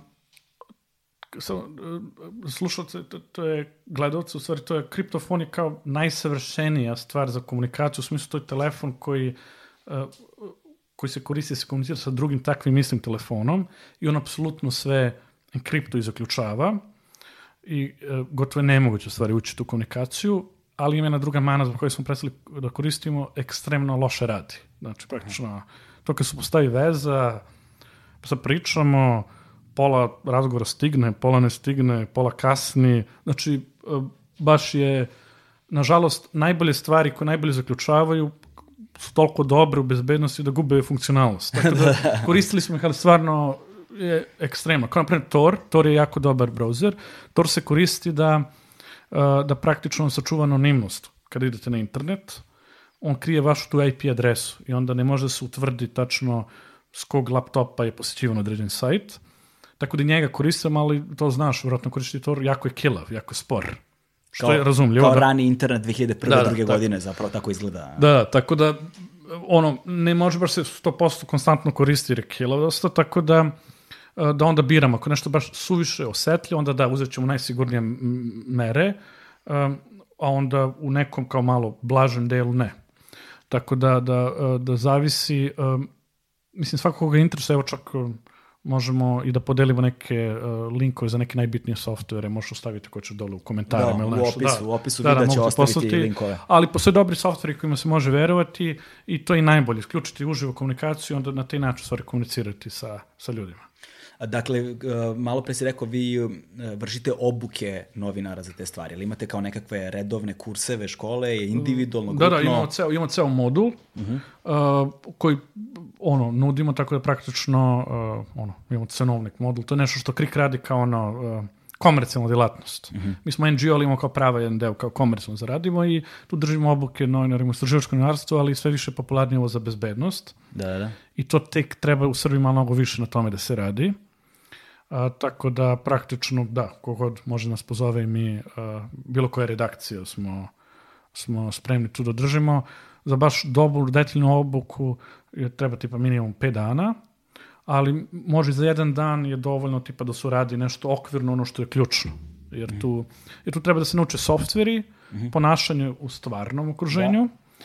i jedna posebna stvar je uh, bezbednost, e da, može, Jedna, Bez šećera? Uh, e da, daj mi šećer. Se radi, znam, da. I posebna stvar je praktično isto redakcija. Mi smo dosta uložili da se obezbedi same redakcije, to je jako bitna stvar. Aha. Što znači da se obezbedi sama redakcija? Pa, vi jednostavno morate, ako radite u Srbiji, da dovedete ozbiljno obezbeđenje redakcije u smislu alarma, bezbednostnih kamera, Aha, dobro, sefa, da. sve, mislim, sve te hardverske opreme koje treba, zato što da biste mogli da, da dobro kontrolišete redakciju šta se tu dešava non stop, tako je praktično, ne znam, ja evo sada mogu na telefonu da imam pristup kamerama, da im šta da, da, da. u redakciji, imam alarme koje nas obaveštavaju ako se nešto desi, tako dalje. Um, to je jedan poseban segment. Znači, ipak vam je redakcija mesto da najviše vremena provodite i da. jako je bitno da se redakcija dobro obezbedi najbolje što možete. E sada, sve ovo zajedno što si pominjao, da. naš, um, svaki pojedinačni detalj uh, deluje kao relativno jednostavna stvar, ali ti detalji se nagomilaju prosto i onda to bude jedan korpus stvari koje ne samo što moraju da se obave, na koje stalno, konstantno mora se obraća pažnja i posao koji ti obavljaš i koji cela vaša redakcija obavlja u suštini um, briše granicu između profesionalnog i privatnog. Znaš, ti više, znaš, gde se završava tvoj posao, gde počinje tvoj privatan život? Pa, uh, vi dosta, kad se bavite tim poslom, hteli li ne izgubite taj privatni život. Jer mm, ne možete da održite. Tako jednostavno, vi kad razumete da će, uh, čak ako pokušate da odvojite to, ako vidite da će oni svaku stvar iz vašeg privatnog života pokušati da zlupotrebe protiv vas, onda jednostavno to se širi tu. I onda vi izađete u neki klub u gradu i onda krenete sebe da cenzurišete. I onda vidite da morate paziti kako se ponašate, šta radite. Tako da, hteli ili ne, posao će krenuti sve više da vam kontroliše privatni život. I to je, na primjer, to je tužna činjenica ovog posla, tako Tako da vi u jednom trenutku, kad su neke uh, napete situacije, vi, na primjer, potpuno suspendujete privatni život u čem periodu što ne pada na pamet mesec dana što da izađe u onom grad ili nešto tako, noćni da. život, kad su baš neke rizične stvari koje radite. Tako da, nema šanse. Znači, u ovom poslu ne može baš privatni život da se osjeća. To je nemoguće. Um, tako da da, to je tužna istina posla. Nije, ne, e, nema mnogo što možete tu da uraditi, jednostavno posao će uvek tu da vam skače. E sad, na koji način je uh, tvoj privatan život promenjen od kako radiš ovaj posao? Uh, životi tvojih kolega u redakciji, jel te, s jedne strane, i um, da li se plašiš Pa, mislim, ne plašim se odavno zato što, kao kažem, u jednom trenutku nekako nisam ja ništa specijalno hrabar, da se razumem, nego kao u jednom trenutku kao više to prihvatite kao neki, kao kažem, posao koji morate da uradite, koji je misija da se uradi. I onda više besmisleno gublje nije vremena na strah, jer nema smisla, jer je to, kažem, novinarstvo je mnogo više od posla, to stvari profesija, čak način života. Poziv. Da, poziv morate to da radite bez obzira, onda kao strah je samo gubljenje vremena, jer ništa neće da doprinese, znači sad zbog straha nešto prestanete da radite i onda totalno mentalno više to isključite. Ali kako to isključiš? Čekaj, si se plašio nekada, si imao osjećanje straha? Pa da, mnogo si još plašio kad sam ušao u posao, da. ali onda se dešavaju sve te situacije, na trenutku si, uh, kažem, nema pojenta, kao da, strah je neki kao mehanizam organizma da vas odbije od nekih stvari. Vi se kao plašite, onda rešite da to ne uradite, da ne biste sebe stavili u rizik. Onda posle nekog godina kad skontite da taj mehanizam je besmislen, da?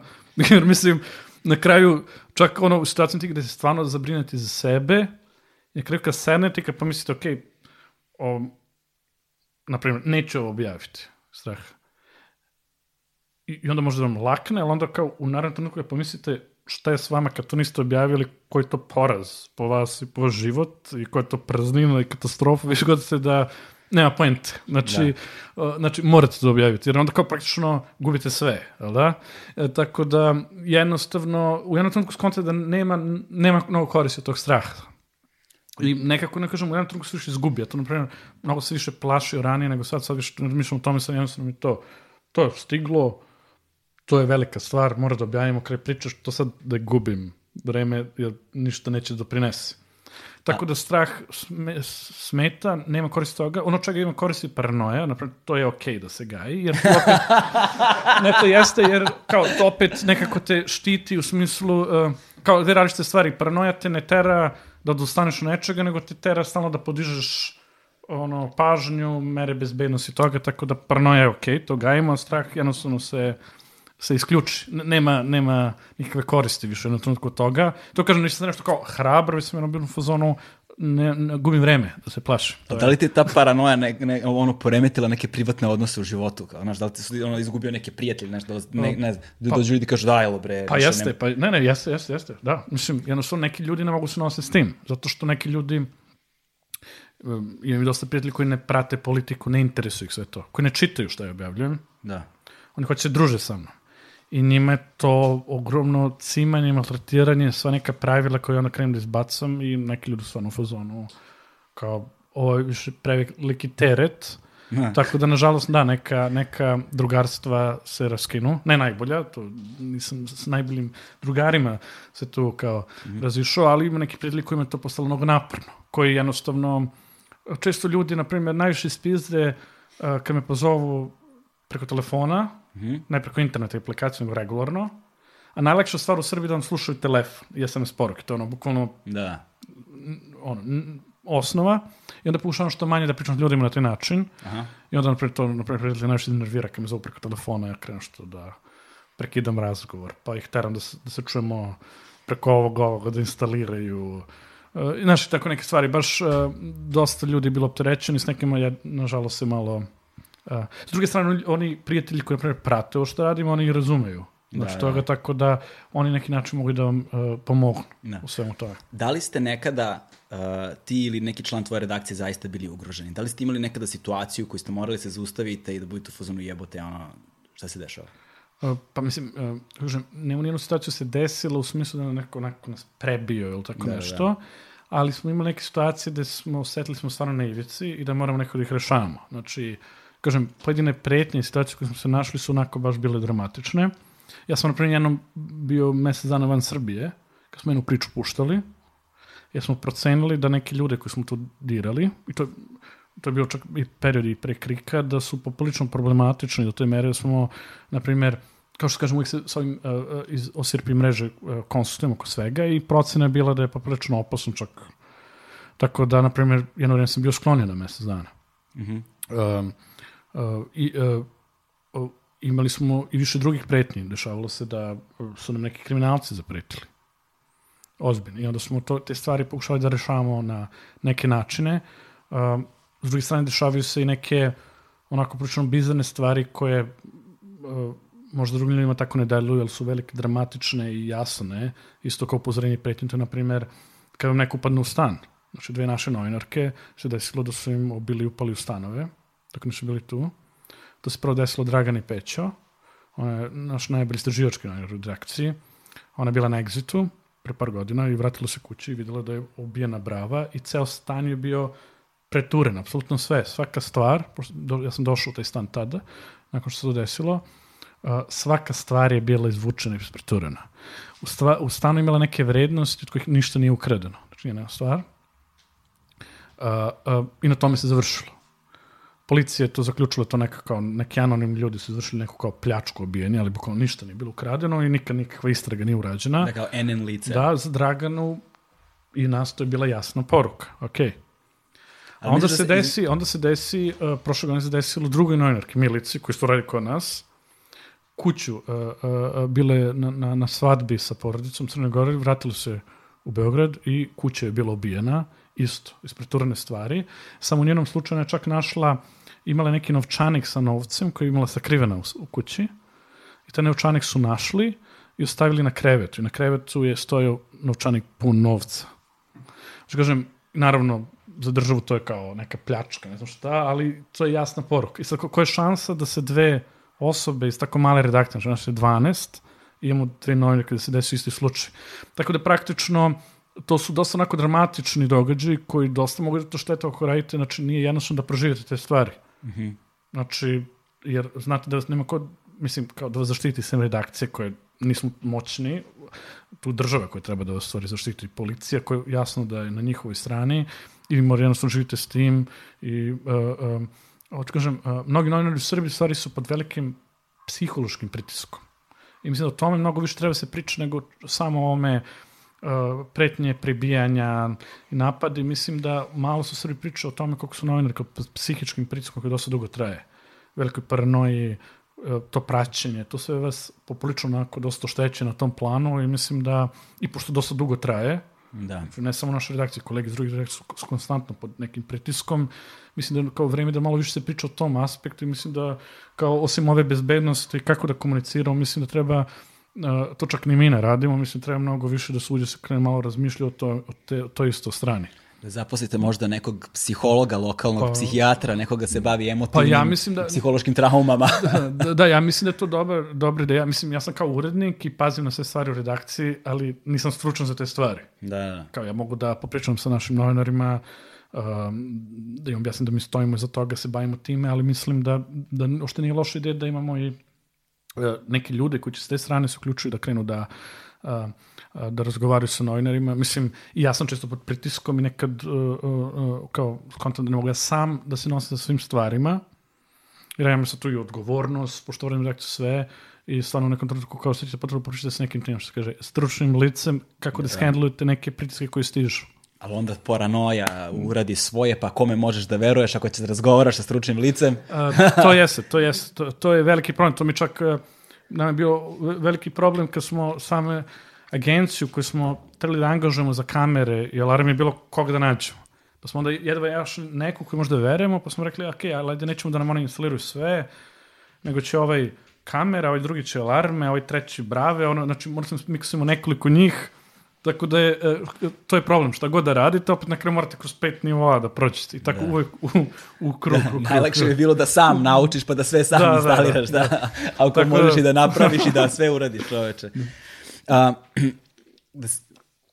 kada ova posljednja tema koju ste objavili, dakle, a, je zaspinovana na s državne strane tako što sad oni spinuju napad na predsednikovog sina i šta ti ja znam, ovaj, koja skreće pažnju sa onoga što je ključ zapravo priča, to isprezi između vlasti, mafije i te, i huligana, koja jasno slikava društvo u kojem živimo danas i pretnje koje postoje za budućnost svih nas kao građana ove zemlje.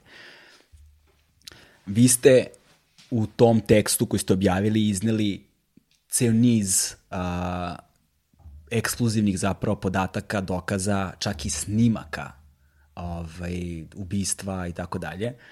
Um, na koji način uspevate zapravo da pribavite, kako ste pribavljali te stvari, sad ja znam da ne može to naš, bukvalno da se govori, ali čisto da ovaj, koliko je težak taj proces da fizički kod vas zapravo stigne to i da ga onda ono objavite. I na koji način osiguravate da to što ste objavili ne mogu da uh, isprate nazad, hodom unazad do osobe koja bi bila potencijalni izvor?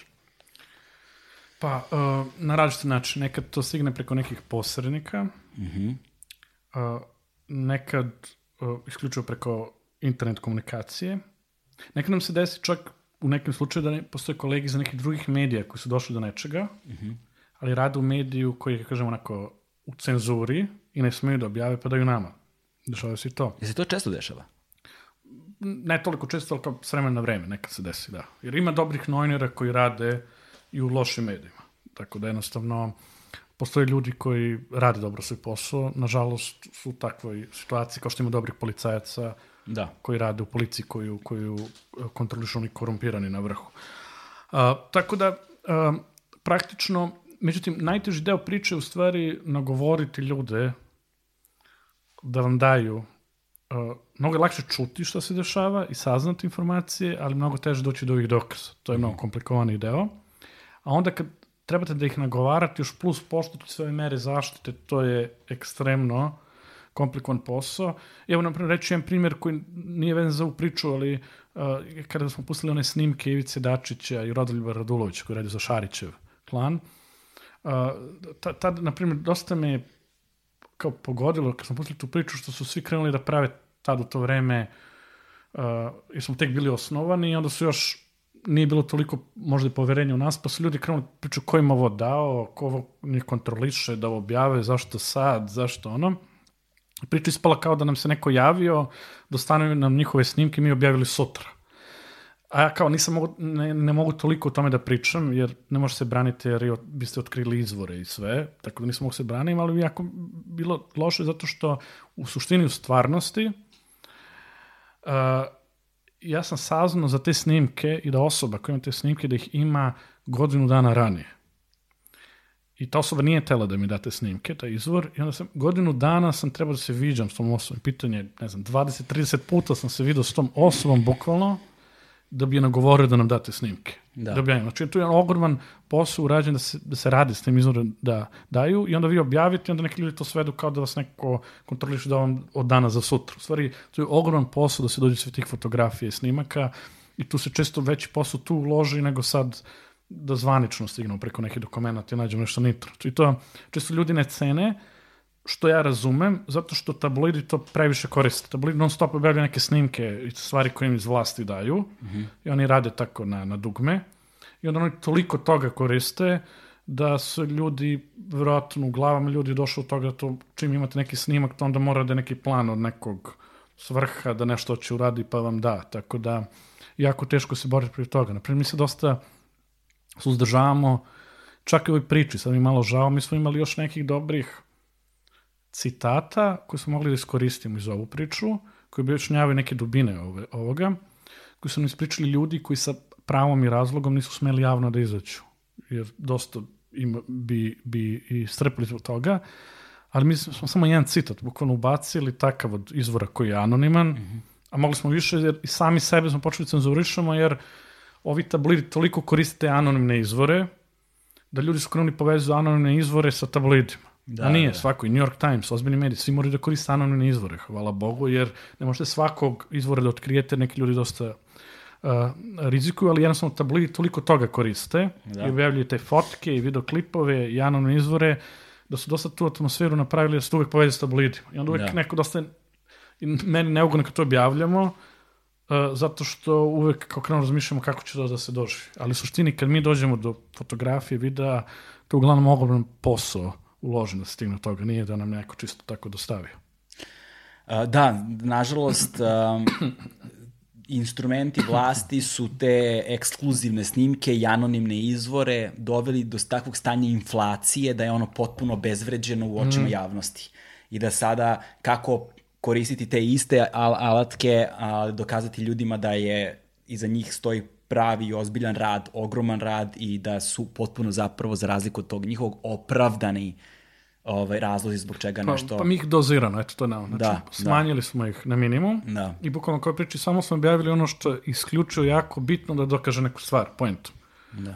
Mi smo mogli još ovih, imali smo još ovo, kao što smo ovo ubistvo, ovo kriminalca, mogli smo još takvih stvari stavimo u priču. Mm -hmm. Smo plašili kad bi imali puno tih cena ubistva, ljudi bi onda opet neke teorije. Znači ovo smo objavili, ovo je bilo jako bitno svaki ovaj koji smo objavili ima neku pointu za sebe. Tako da smo uh, ovo snimak ubistva, taj jedan jedini koji smo objavili, mm -hmm. mislim da je jako bitan jer pokazuje svu profesionalnost ubistva. Mislim da time bolje nego rečima se pokazalo da, da, da čitoci vide građani koliko su stvari oni profesionalni, i ozbiljni i opasni. Način na koga su bili je stvarno zastrašujuće efikasan. Ono.